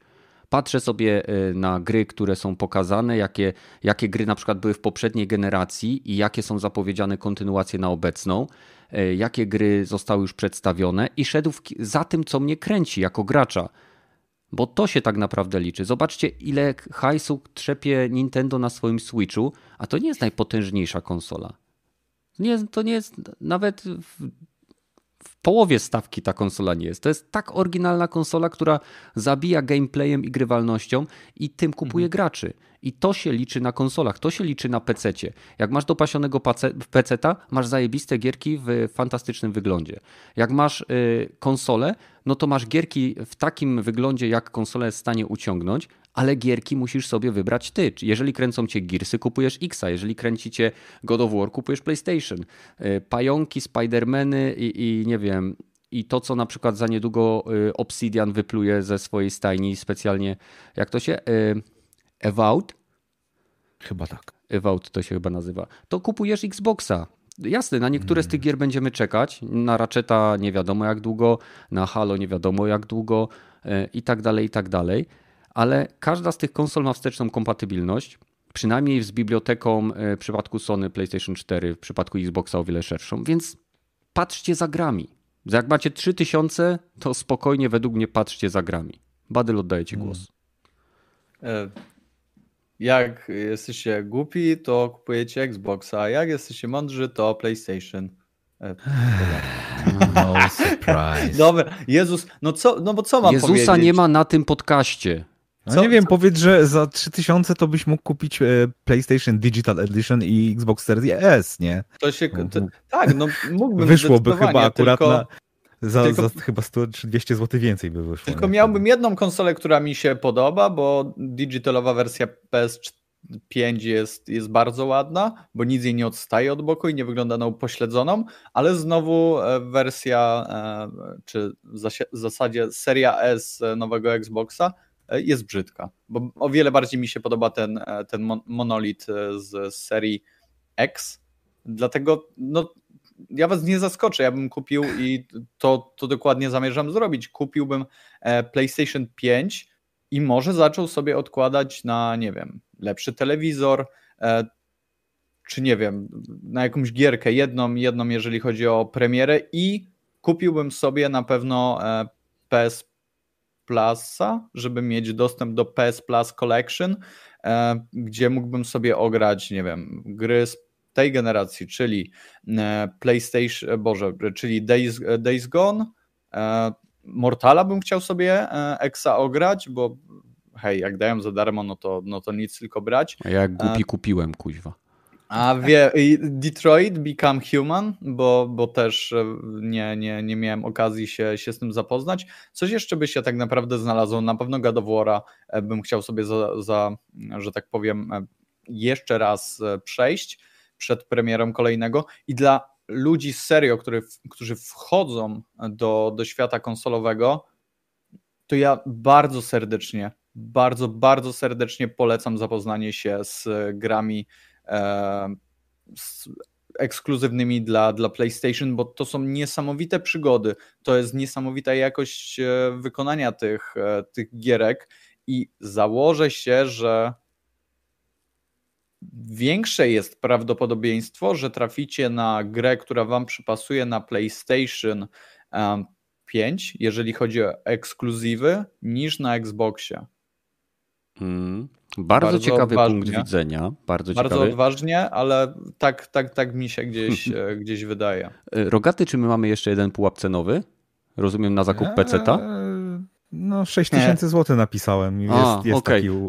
to, to ja może pójdę jako pierwszy. Jeżeli macie 6 tysięcy zł, to kupujecie PlayStation 5 i dobry telewizor. To też jest dobra opcja. Też jest opcja. Nie, nie zaprzeczam. A jeżeli macie opcja. dobry telewizor i nie chcecie grać na grach od Sony, to kupujecie wtedy dobrego PC-ta i Xbox Game Passa Ultimate. Dokładnie. Krótka piłka z mojej strony. Rogaty? No, w sumie muszę się z tobą zgodzić po raz kolejny chyba dziś. O, kuźwa, dwa razy, czekaj. Jakieś, nie wiem, uśmiechnięte buźki se na ścianie będę naklejał. Ale takie z różkami, nie? O, oczywiście. No, Badyl, jakbyś miał 6 tysięcy. Ja dokładnie robię to, co ty. W, Aha. sensie, tak, nie, tutaj, tutaj stanowisko jest jedno. Na pewno, e, jeżeli mógłbym się, jeżeli już bym zaczął patrzeć w stronę, e, że tak powiem, gierek Xboxowych, to na mhm. pewno nie kupuję Xboxa, tylko kupuję PC-ta. PC zupełnie e, posłuży mi, że tak powiem, w szerszym zakresie niż Xbox i nie widzę sensu, żeby kupować Xboxa, tak całkowicie serio. O, Kamile, no. Kamilox7 pisze, że Samsung Q80T 55 cali kosztuje 4000 plus konsola do tego. No to jedziemy, mamy. No. 2000 to wtedy można Series S kupić i jeszcze ci zostanie. No albo odłożyć 400 i kupić jedyną słuszną konsolę, jaką jest PlayStation 5. Mhm. Dobra. Albo jedyną najmocniejszą konsolę, którą jest Xbox Series no, nie, nie, niech, się, niech się nie zesra z tym jednym, jednym teraflopem więcej. O, Krzysztof pisze, że dobry telewizor za 3,5 tysiąca to niemożliwe. Słuchaj, jest jak najbardziej możliwe, tylko nie wybierasz najnowszego telewizora z, tej, z tego roku, tylko patrzysz na przykład najlepszy telewizor sprzed dwóch lat i ceny spadają. Weź sobie, Krzysztof, pod uwagę na przykład ile kosztował Samsung Q90R y, dwa lata temu, a ile kosztuje teraz. Mm. Kiedyś ten telewizor kosztował 13 tysięcy, teraz go można znaleźć chyba za 5 czy 6 tysięcy nowego.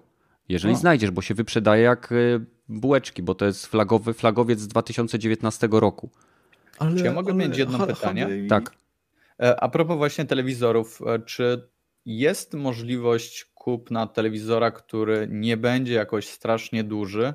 Nie wiem, będzie miał 20, coś około 20-30 cali, żeby faktycznie dało się z niego czerpać przyjemność, jeżeli chodzi o, o nową generację, czy w zasadzie w pełni ją poczuć, czy to jest już tylko monitor? Tylko monitor, no, według mojej wiedzy. No, mojej wiedzy też tylko monitor. Okej, okay, a y, bo, bo, mam pytanie, bo wspomniałeś wcześniej o PlayStation Collection, y, które w pewnym sensie jest próbą odpowiedzi Sony na Game Passa, ale tak jakby nie do końca. No, nie wiemy, tak co jakby... chcemy z tym zrobić, nie no, wiemy, ile kosztuje, nie wiemy, co nic tam nie kosztuje do końca. Co?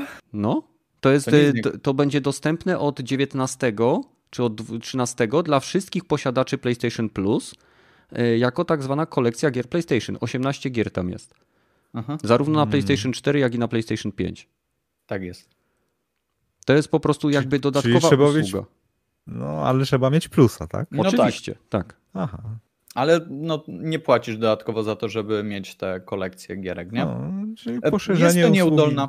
Tak, tak, tak. No i jest to bardzo fajne. W sensie oni musieli coś zrobić, oni musieli, musieli. coś takiego dać, Oj, bo, tak, tak. bo Game Pass jest tak cholernie mocnym argumentem. E, a tak jak gdzieś tam mówiłem też na, na retransmisji tego streama, e, to podejrzewam ich dużo nie kosztowało. Danie tych gierek, które już i tak były w plusie w większości. Większość. Większość, tak, większość, tak. większość, przepraszam, nie, nie wszystkie, ale w większości były w plusie i danie, e, że tak powiem, tam jakiś, jakiś nowości w postaci, co tam, Days Gone pewnie, czy God of War?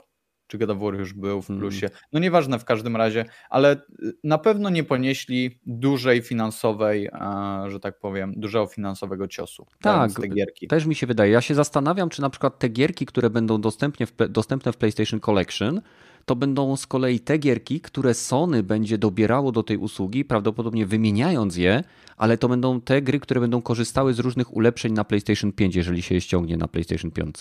Czy to będzie tylko po prostu zwykła taka biblioteczka, gdzie ktoś, kto pierwszy raz kupuje PlayStation, bo na przykład sobie, mi się wydaje, że może być dostępny teraz y, w wielu miejscach na planecie taki scenariusz, że ludzie sobie biorą Xboxa w usłudze All Access, czyli miesięczną opłatę, a oprócz tego kupują PlayStation 5.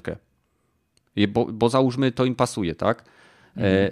I w tym momencie, jeżeli ktoś się zdecyduje na, że tak powiem, aż tak głębokie sięgnięcie do kieszeni, to dostaje te 18 tytułów w sytuacji, kiedy normalne tytuły na PlayStation 5 po prostu zabierają ci dwie, trzy albo Bóg wie ile dniówek, w zależności od tego, gdzie pracujesz i jak zarabiasz, nie?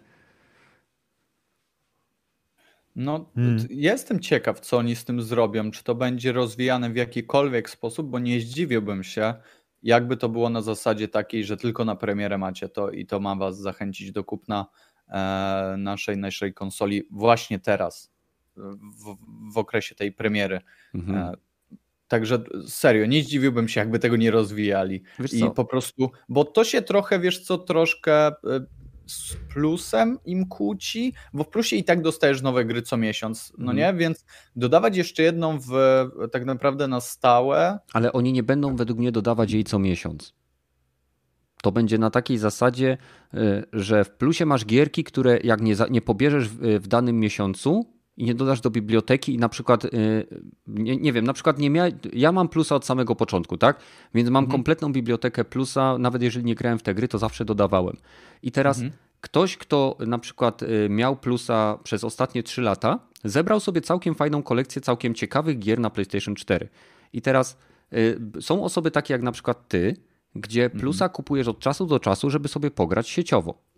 Czyli mhm. twoja kolekcja gier z plusa jest w pewnym sensie ograniczona przez jakby te okresy, kiedy grasz w gierki, które plusa wymagają. I PlayStation mhm. Plus Collection według mnie jest po to, że jeżeli ktoś właśnie się decyduje na wykupowanie takie impulsowe plusa od czasu do czasu, to na przykład dostaje dostęp do tych 18 gierek. I oni raz na jakiś czas, nie wiem, dwa miesiące, trzy miesiące, może trzy razy do roku, albo na przykład na święta jakieś, będą albo wymieniali, albo dodawali do tego gry. Według mnie będą wymieniali. I mhm. E, dzięki temu e, będą mieli możliwość e, jakby zachęcenia części graczy, którzy nie są stałymi abonentami PlayStation Plusa, tak jak na przykład ja, żeby właśnie, o kurczę, w te święta dodają taką, taką i taką gierkę. A, no to sobie wykupię plusa. I to będzie inna motywacja niż kupienie plusa do y, multiplayera, bo akurat może nie być żadnej gry multi. No, Brzmi to sensownie, jak najbardziej. To, to, to się zgodzę, tylko nadal. No nie. Ma sens. nie, no myślę, no. że po prostu trzeba zawsze patrzeć na to pod, w takim kontekście, że zarówno Sony, jak i Microsoft będą szukali zysków, potencjalnych zysków absolutnie w każdym najmniejszym punkcie i, i patrzą na trendy, które są. Tak jak na przykład Netflix zobaczył, że ludzie wykupują E, ich abonament w momencie, kiedy wychodzi nowy serial. E, mhm. Oglądają to, wiesz, w 2-3 dni, binge-watchingują to za jednym razem i później znowu, dopóki nie wyjdzie następny serial, to jest 6 czy 7 miesięcy, kiedy oni nic nie płacą. Więc Netflix zapowiedział chyba w zeszłym roku, że będzie jakby sukcesywnie do niektórych swoich produkcji wprowadzał premiery cotygodniowe, tak jak robi to HBO, tak jak no, robi to Amazon Prime. Gratulacje, bardzo dobra myśl. W sensie, czemu oni jak mogło co? Dlaczego nie, oni tego nie zrobili? To było dobre w momencie, kiedy oni walczyli z wypożyczalniami, z telewizją, tak? W telewizji musiałeś czekać, dostosować swój czas, żeby obejrzeć serial, a w Netflixie dostawałeś wszystko od razu. Nie? Ale umów... no tak, tak, tylko no trochę już te, e, że tak powiem, Rynek konkurencja na... Dokładnie I, nie wiem, czemu wcześniej to się nie pojawiło, no bo już trochę, że tak powiem, taki, e, taki model prowadzą. Mhm. Więc, no ale spoko. Czyli ogólnie rzecz biorąc, na chwilę obecną Rogaty nie kupuje żadnego Next Gena. Nie? Hmm? Cicho jest, pewnie wyłączył sobie mikrofon albo tam je coś.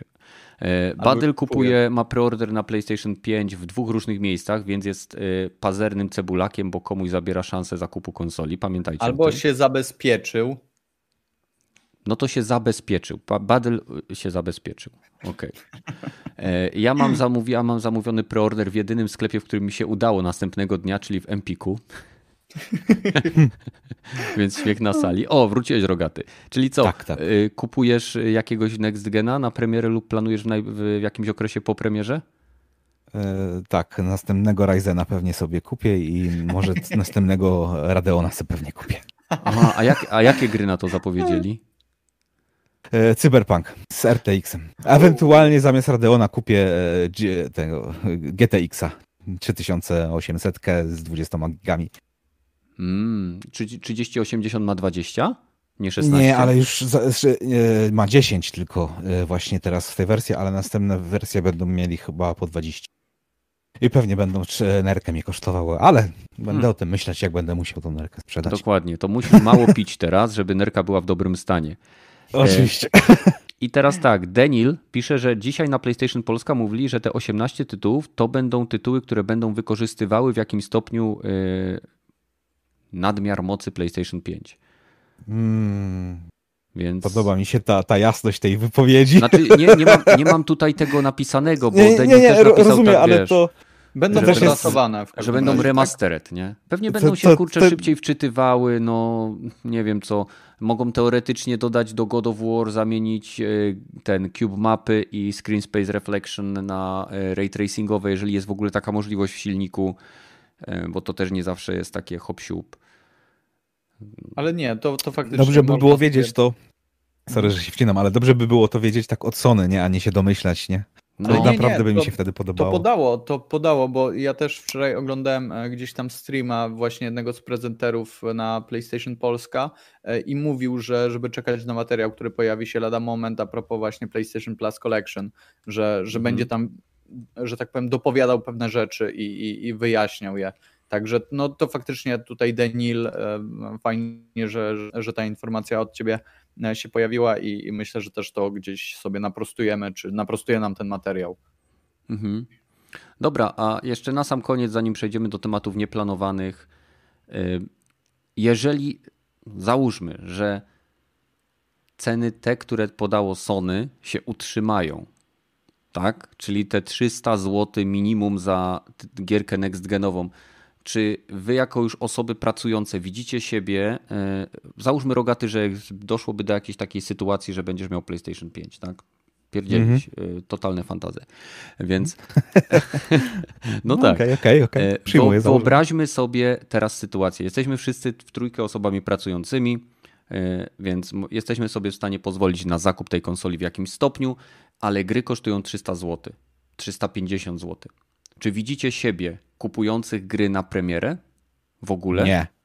Tak. Nie. Je, jedyna gra, jaką mógłbym powiedzieć, to e, Cyberpunk, a to już mam zamówione na PC, więc nie. Hmm. 350 za obecne gry w tej, jak, z taką wielką ilością niewiadomych, co do, do jak te gry mają działać i jak to mają wyglądać i nie, jak dużo bugów jest w ostatnich grach, nie. 350 zł, nie, nie, nie. Kumam. Musiało być 10 na 10 masterpiece i też bym się zastanawiał. Kumam, Badyl? No nie, ja powiem całkowicie szczerze, tak, tak, ja jestem w stanie kupować takie gry na premierę, głównie z tego względu, że mało gier kupuję na premierę, bo mało gier mnie aż tak interesuje. E, dostaję nowego God of War'a, boom, jest w dniu premiery w moich rękach nie wiem, załóżmy, że Uncharted, jakieś, e, jakieś The Last of Us kolejne, e, czy nie wiem, Sekiro, albo od Respawn, błagam, Titanfall 3, no to to są gry, które ja kupuję na premierę. Ale, w ale momencie, gdy... do, dorzucę mówimy... jeden, sorry, dorzucę jedno ale. Wersję digital, jakbyś mógł tylko kupić wersję digital, żebyś nie mógł odsprzedać tego, czy byś miał takie same podejście? Tylko widzisz, ja nie muszę mieć wersji digital, żeby mogłeś powiedzieć, u mnie wersja digital zawsze oznacza coś gorszego, bo nie mam pudełka. I nawet jeżeli ja mam sobie kupić pudełko, którego nie sprzedam później, bo ja mam tak, że nie sprzedaję gier i ich nie wymieniam, tak, tak nie wiem, kilka razy w życiu mi się naprawdę zdarzyło, właśnie między innymi to Bloodborne e, nieszczęsne musiałem wymienić, bo, bo mnie rozwaliło, e, no to nie mam czegoś takiego, więc ja jeżeli kupuję grę na premierę, to ona u mnie jest, ja w nią gram no, długo, a... cieszę się nią i odkładam ją później na półkę, nie sprzedaję jej, nie wymieniam. Okej, okay, ale skoro ja zakładałem, że kupię PlayStation 5, to urzecz mnie tym, że ty będziesz miał PlayStation 5 All Digital. Wiem, wiem nie, Czy nie. nadal byś kupował za 300 zł gry? Czy 350? E, nie wiem, musiałbym zbadać rynek, czy one, wiesz co, spadają cenowo. Jeżeli hmm. musiałbym się, wiesz, liczyć z tym, że przez pół roku nie zagram w tę grę, bo nie, nie wiesz, nie zrzuci sceny, to ja wolę kupić od razu ją na, na, na premierę za te 300 zł, niż po 6 miesiącach, gdy hype o, oklapnie, wszyscy będą już, przestaną o niej gadać, a, ja, a ona dalej będzie kosztować wiesz, 300 zł, więc, więc Nie wiem, jak to działa, ale jeżeli by działało tak, jak właśnie teraz przedstawiłem, to kupuję na premierę. Jeżeli ona po, nie wiem, kilku e, faktycznie miesiącach, tam nie wiem, dwóch, jest już taniej, no to mhm. oczywiście się wstrzymuje, nie? Okej, okay. A y, czyli jeżeli dobrze zrozumiałem, Twoja chęć do zakupu gier w tej cenie nie wynika z tego, że kupujesz na przykład gierkę jedną czy dwie w miesiącu, tylko ze względu na to, że kupujesz je na tyle rzadko, że jakby tak, tak, tak sobie dobierasz tytuł, na który się decydujesz, że y, jakby ten wydatek 300 zł, jeżeli jesteś pewien, że gra będzie dobra dla ciebie, wiadomo, bo to jest subiektywne bardzo, to, to nie jest dla ciebie problem. Tak, zdecydowanie. Wiecie, ja bardzo się cieszę, wolę przejść grę za 300 zł, która nie wiem, mnie wciągnie na 15 godzin i później już jest koniec, niż kupić sobie grę za nie wiem, 250 zł, która będzie taka sobie, nie, i potrwa 60 godzin, bo wolę że tak powiem, dobrze spędzić swój czas, czy, czy go spożytkować gdzieś, niż, że tak powiem, dobrze wydać kasę, żeby wycisnąć to jak najwięcej. E, w sensie wolę jakościowo przeżyć mhm. 6 godzin niż nijak 20 czy 30. No dobra, no to teraz e, moje spojrzenie na całość. Ja osobiście, jako że jestem w tej sytuacji, że prowadzę kanał, więc jakby tych gier czasem e, średnio kupuję jedną grę w miesiącu. Tak? tak to mniej więcej wygląda. Nie zawsze jest to gra nowa, czasem jest to gra używana, czasem jest to jakaś promka na tym, ale jakbym miał tak przeliczyć, ile gier kupuję w roku, no to to jest między 10 a 12 tytułów e, takich pełnych, pudełkowych. Tak? Reszta to są promki. I przyznam się szczerze, że idziemy tutaj znowu w fantazję. E, jeżeli gry utrzymają się na tym poziomie i reszta rynku pójdzie za cenami, które pokazało PlayStation, to mnie osobiście nie będzie stać na zakup i będę robił to, co Badyl, czyli będę niesamowicie e, skrupulatnie dobierał tytuły, które będę wspierał. E, będę czekał z zakupem do momentu zobaczenia recenzji od ludzi, których na to stać, którzy dostają to jako promkę, którzy mimo tego, że dostają promki, potrafią być rzetelni. E, więc to jest bardzo, bardzo skromne grono. E, I, I po prostu wydaje mi się, że te ceny Sony rzuciło po to, żeby sobie zniwelować troszkę dodatkowe koszta produkcji konsoli, bo według mnie oni tak szybko zauważą, że sprzedaż tych gier będzie niższa, e, że, że po prostu wrócą do standardowych cen. Scenariusz B jest taki, że Sony celowo podnosi ceny gier fizycznych po to, żeby zacząć wprowadzać silniejsze promki w, w sklepie cyfrowym, aby pchnąć, pchnąć nas w kierunku cyfry. Ponieważ oglądałem teraz bardzo ciekawy materiał jednego z zachodnich youtuberów, który analizował, jak wygląda system e, jakby zarobku e, u, u wydawców konsolowych na sprzęcie i na software'ze. Ja, ja, myślałem, że Sony dostaje jakiś cut od każdej sprzedanej kopii gry na, na swoją konsolę, a okazuje się, że prawdopodobnie to wcale tak nie działa. Sony otrzymuje e, jakąś tam kwotę płaconą jednorazowo, tak zwany tantiem za jakby hostowanie e, danej gry, znaczy sprzedawanie swojej gry na platformie i później cała kasa z tych 50, tych 200 zł czy 250 zł e, jest dzielona między, wiadomo, dostawcę, sprzedawcę, e, dewelopera i twórcę. Więc tak naprawdę Sony dostaje e, według jakichś tam szacunków jakąś kwotę, a później jeżeli taka gra jak na przykład GTA 5, która sprzeda się w kwocie 120 milionów egzemplarzy na świecie, nie zarabia już kasy dla Sony bezpośrednio jeżeli mówimy o mhm. kopiach fizycznych. W przypadku y, kopii cyfrowych sytuacja jest inna, ponieważ y, dzięki Steamowi jest standardowy na rynku cut, który pobierają host, y, jakby właściciele platform, jest to 30%. I w tym momencie Sony dostaje 30% od absolutnie każdej transakcji, chyba że jest to zaznaczone w opisie, która jest w sklepie PlayStation. Czyli czy to będzie gierka, czy to będzie DLC, czy to będzie tapeta, czy to będzie motyw, czy to będzie ikonka, 30% z tego leci do Sony. I w tym wypadku Sony wydaje mi się, że może chcieć właśnie zniechęcić nas do zakupu e, wersji pudełkowych po to, żebyśmy na przykład, e, wiadomo, w Polsce to będzie norma, dzielenie konta na pół, bo wtedy masz 350 zł za grę, jak to dzielisz na pół, no to wiadomo co wychodzi, połowa. I prawda jest taka, że nawet jak Sony, jak Sony dzielimy, jak w przypadku PlayStation dzielimy to konto na pół, tak? To Sony i tak zarabia więcej niż jakby te dwie osoby kupiły dwie kopie pudełkowej wersji gry. Mhm. mhm. No, nie wiem, tak jak mówię, to się opiera tylko na informacjach. Ja, ja wstawię to do Discorda, e, gdzieś tam do naszego działu NextGen, więc zapraszam Was, wpadnijcie do nas, link w opisie e, i będziecie sobie mogli zobaczyć, jak to wszystko się rozkłada. Bardzo, bardzo ciekawy materiał. E, no i mam nadzieję, że tak naprawdę te ceny się nie utrzymają, bo ja też jestem zwolennikiem pudełeczek, uwielbiam pudełeczka, nie od, bardzo rzadko oddaję pudełeczka, tylko jeżeli gra mi autentycznie nie siądzie, tak jak Sekiro, czy jak Badylowi Bloodborne, no bo mimo wszystko, jak się ma grę, to chce się od czasu do czasu w nią zagrać, albo choćby spróbować. Z przyjemnością. Z przyjemnością, dokładnie. No więc nie wiem, no mam nadzieję, że to jest taki, taka próba zbuforowania strat na sprzedaży, związanej też z transportem lotniczym, który Sony wykorzysta, żeby dostarczyć, tak jak w przypadku PlayStation 4, konsole do sprzedawców. No, zobaczymy. Miałem jeszcze jedno pytanie i troszeczkę. Mm. Może, może czarny scenariusz na, nakreślę też troszeczkę, bo kiedyś coś ktoś takiego odwalał chyba Nintendo. Oni specjalnie nie wypuszczali y, pudełkowych, y, mieli bardzo niskie narzuty na pudełkowe wersje swojej, swoich gier. A no cyfrowo, y, cyfrowo właśnie tak właśnie też robią już tak mniej więcej teraz te, te limitowane wersje. Digital to też jest jeszcze większa paranoja. Ale czy i zarówno Microsoft, i zarówno Sony nie, nie walnęliby takiego hamskiego ruchu, że hej, no jasne, możecie kupić. I właściwie wszyscy, może by się, może nie wszyscy produk- producenci, ale by się dogadali, może producenci też właśnie z Microsoftem i Sony, że hej, jasne, 10 tysięcy na cały kraj kopii, albo 10 tysięcy na całą Europę kopii pudełkowych. Mhm. No jest, technicznie jest w sklepie, możecie kupować. Jak mieliście preordera, to pewnie sobie kupicie e, tą pudełkową wersję. Ale jak nie macie preordera, to na półkach tego nie zobaczycie.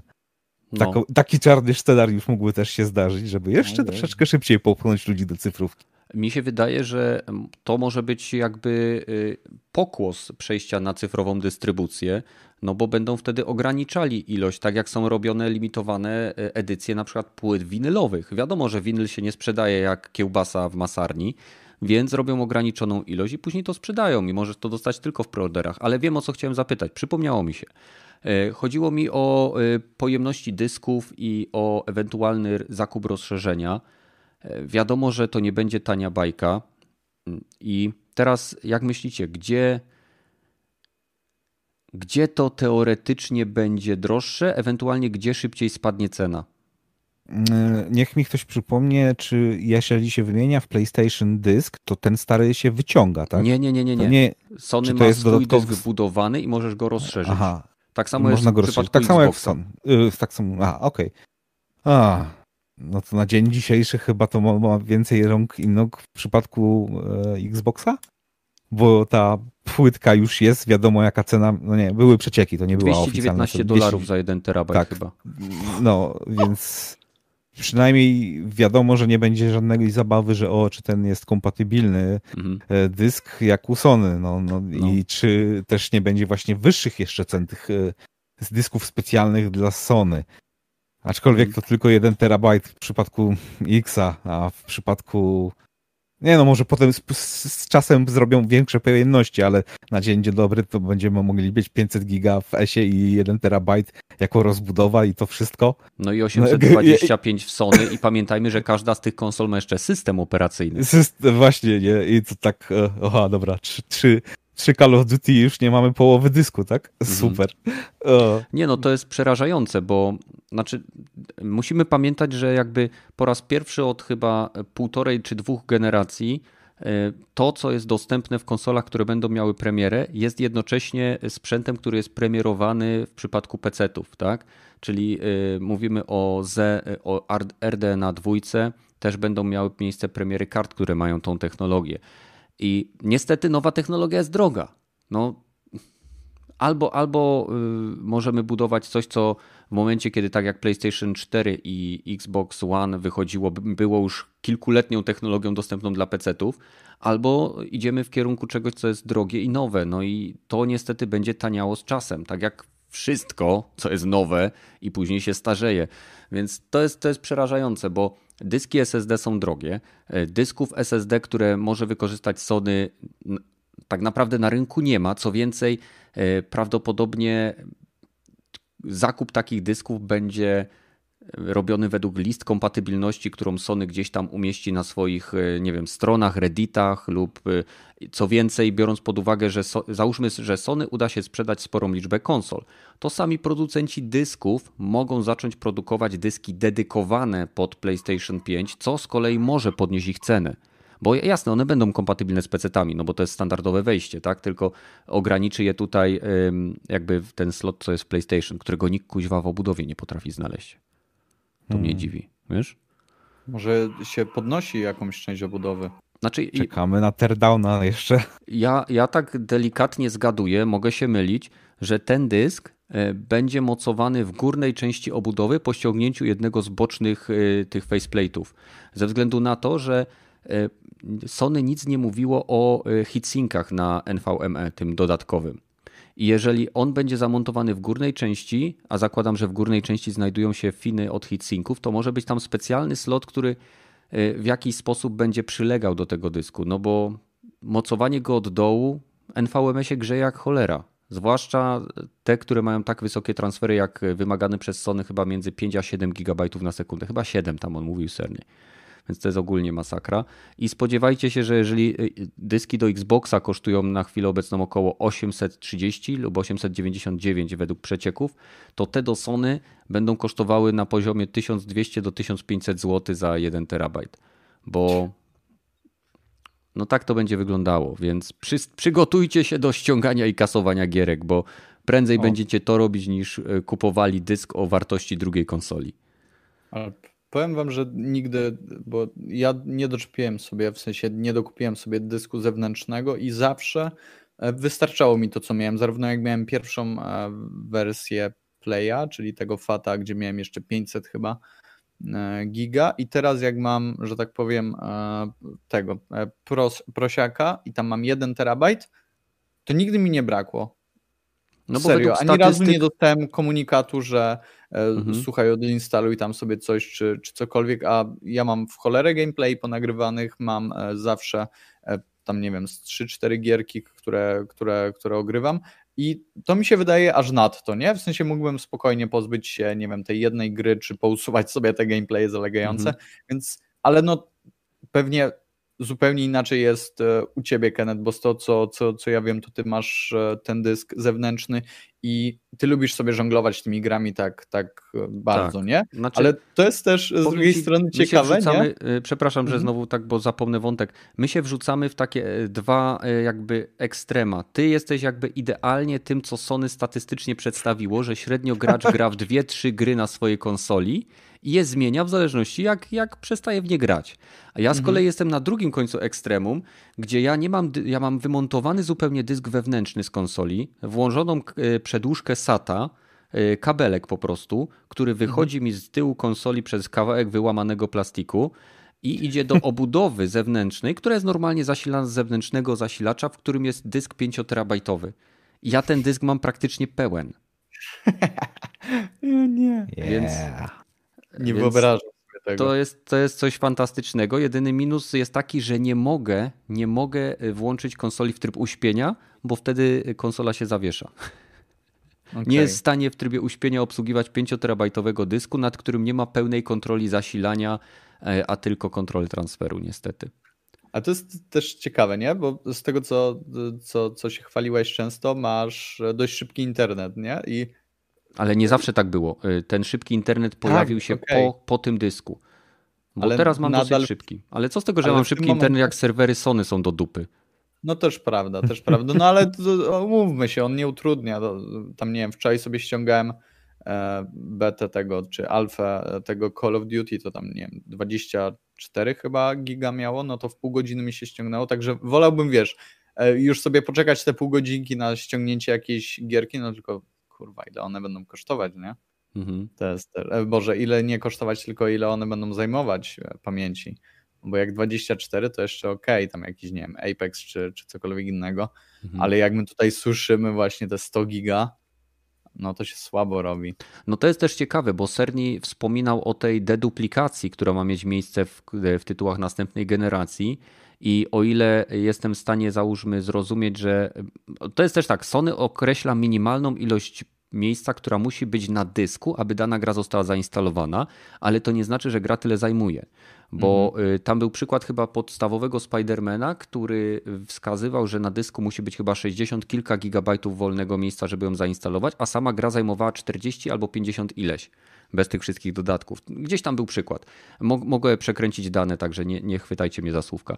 I zastanawiam się, czy rozmiar tego y, wynika tych gier, które są y, cross-genowe, tak? czyli Horizona, załóżmy i Spidermana, wynika z tego, że jest to nadal w pewnym sensie y, technologia, która jest oparta o jakby starą platformę, Mhm. Czy, czy, czy to jest coś, co oni będą w stanie w miarę szybko zmienić? No bo z drugiej strony taki Demon Souls też chyba jest określony na 50 gigabajtów. Coś koło tego chyba tam, tam było napisane. 65 gigabajtów. Sebi, dzięki. 66. Więc e, oryginał e, miał 10. No. Hmm.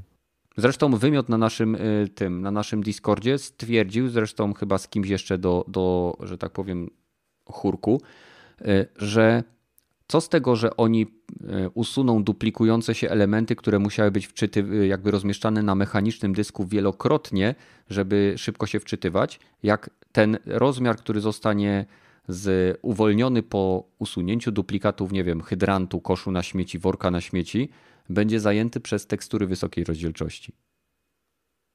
Nie? Mhm. No. Będzie ciężko z miejscem na dysku. A, na konsoli. Tam Na konsoli. Pamiętajcie, że zawsze możecie podpiąć dysk zewnętrzny USB 3.0, ale tylko do gier wstecznie kompatybilnych. A chyba coś tam mówili, że będzie można tego też używać jako cold storage, czyli przerzucać gry, w które się aktualnie nie gra, mhm. ale to przy, przy Xboxie, a potem wrzucać je z powrotem, jak będzie się chciało z nie zagrać, ale to chyba tylko przy Xboxie to tak będzie mhm. działało. No to też y, nie znaczy, że Sony nie może skopiować, bo weźmy pod uwagę, że na przykład Sony tak się chwaliło Tempestem i jego wydajnością. O, Microsoft o tym nic nie mówił, a później był wywiad, że Microsoft też jakby pokazał swój chip, który zajmuje się audio i jest on, mimo że opiera się na troszeczkę innej y, koncepcji technologicznej, w sensie tego, to nie jest Tempest, tak? ale jego moc obliczeniowa i związana z, z tym wydajność przy tworzeniu dźwięku jest praktycznie taka sama jak tego, co, co znajduje się e, w PlayStation 5. Więc pewne firmy, jakby, firmy generalnie nie lubią mówić o tym, co mają takie same. Mówią o tym, co je różni. Hmm. No. E, Jakub się pyta, czy jak weźmie swój dysk zewnętrzny od PS4 i podepnie do PS5, to gry będą od razu działały. Szczerze wątpię, ponieważ dyski podpinane do PlayStation 4 są w jakiś sposób kodowane na identyfikację pod dany system. E, z tego co wiem, taka możliwość ma być w przypadku tych kadridży do Xboxa, że jeżeli e, mamy tą, tą, ten kadrycz wpięty i mamy na nim określone gierki, to wystarczy go wypiąć, iść do kumpla, można wrzucić, gier, wrzucić ten kadrycz i to powinno działać, co jest według mnie mm, fantastycznym rozwiązaniem. No ale to jest e, rozwiązanie, które samo w sobie jest przenośne, podczas gdy Sony wybiera rozwiązanie w pewnym sensie rynkowe, które w swoich założeniach raczej powinno siedzieć wewnątrz maszyny. No. No i tyle. W zasadzie nie mam więcej tematów. Macie coś jeszcze ciekawego? Czy już wydoiliśmy tą krowę do sucha? Nie, no to już tematy nieplanowane tylko nam zostały. A mamy jeszcze jakieś? A jeżeli ktoś chce się ponabijać e, ze świata preorderów, to zapraszam na premierę RTX 3080. Gdzie... Dziękuję za suba Nie... tutaj Łukaszowi. gdzie, gdzie E, niestety, ale była papierowa premiera najprawdopodobniej, że preordery też zostały otwarte i skalperzy pozabierali największą ilość gier, co były podobność wystawiane znowu na, na eBayach i, i w tej chwili ludzie przebijają specjalnie wystawione karty, żeby nie, nie sprzedały, żeby jednak te karty trafiały. Też z, z Nvidia przepraszała za mhm. zaistniałą sytuację, ale przypuszczam, że to było też z założenia, także hej, zrobiliśmy no, taką dobrą kartę i sprzedajemy ją tak tanią, więc sprzedajemy ją jak, najmniej, w jak najmniejszej ilości, a za jakiś miesiąc, dwa e, będziemy ją sprzedawać e, no, nadal za tą samą cenę, ale trochę w większej ilości, bo na mhm. razie na dzień dobry się nie opłaca tego sprzedawać. Znaczy, w przypadku Nvidia e, to tłumaczenie, że przepraszają, w mojej opinii jest gówno warte, bo to nie jest pierwszy raz, kiedy podczas premiery kart Nvidia to się dzieje. Więc oni albo mają y, y, specjalną ekipę, która wycina im pamięć krótkotrwałą po każdym takim zdarzeniu, albo po prostu, wiesz, no, robią dobrą minę do wiadomo jakiej gry, nie? Hmm. Być no. może, być może. No i kurczę, ja naprawdę nie mam żadnych dodatkowych tematów. Aha, wiem, co chciałem powiedzieć jeszcze, bo mamy 122 osoby. Chciałem Wam e, wszystkim podziękować, bo niedawno przebyliśmy na, przebyliśmy na tym kanale 10 tysięcy subskrypcji. E, w trakcie przygotowania jest odcinek związany z tym właśnie wydarzeniem. E, będzie on zawierał możliwość tam jakiegoś giveawaya, które z materiałów czy, czy, rzeczy, które mi się uzbierały, które na przestrzeni tych lat były mi przez mniejsze firmy podsyłane do testów, więc tam są dwa arcade sticky, jakieś jakiś mini automat, jakiś, jakaś zamówiona chyba, nie zamówiona, wysłana mi z AliExpress podróbka NESa, no jest, jest tego troszeczkę, na pewno to wszystko będzie jakoś fajnie rozlosowane przez, nie przeze mnie, tylko przez zewnętrzną stronę, która jest stworzona do takich rzeczy, więc zachęcam Was do odwiedzania kanału. Nie wiem, kiedy dokładnie będzie ten specjalny odcinek, bo teraz mam bardzo dużo pracy i bardzo mało czasu, niestety, ale na pewno się pojawi. Także uzbrójcie się w cierpliwość. Na bieżąco takie informacje będą się pojawiały na Discordzie. E, gdzie, gdzie na pewno to wstawię. Mamy tam masę działów, więc zachęcam Was do dołączenia. No i, i tyle z mojej strony, jeżeli chodzi o nowe rzeczy. Wejdę sobie jeszcze na, na stronkę, zobaczyć, czy coś ciekawego się tutaj dzieje, ale nic. Według mnie nic. Mhm. Myślę, że też dość mocno rozbudowane mieliśmy te tematy, więc no, w trójkę nie będziemy ludzi dwie godziny nie? nasuwaliśmy, więc starczy. Dokładnie, też tak, też tak. Zazwyczaj myślę. jesteśmy w czwórkę czy piątkę i tyle to trwa, więc... Dobra. E, wielkie dzięki Badylowi i Rogatemu za to, że znaleźli chwileczkę czasu. Wam wszystkim za to, że byliście tutaj z nami. Życzę Wam udanego tygodnia. E, mam nadzieję, że nie będzie padać, będzie spadek zakażeń, wiadomo czym. E, no i widzimy się na Discordzie i w kolejnych odcinkach tak szybko, jak to będzie możliwe, więc trzymajcie się i cześć. Papa. Pa. Goodbye, komrad.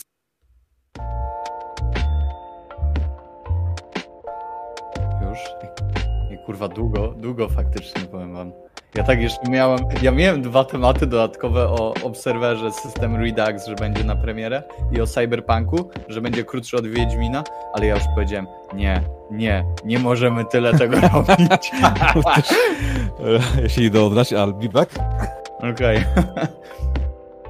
No ja też jutro wyjeżdżam wcześniej, więc mówię, nie, nie, nie, nie. Na pewno tak nie może być. Za dużo ludzie będą wiedzieć i za długo to trwa.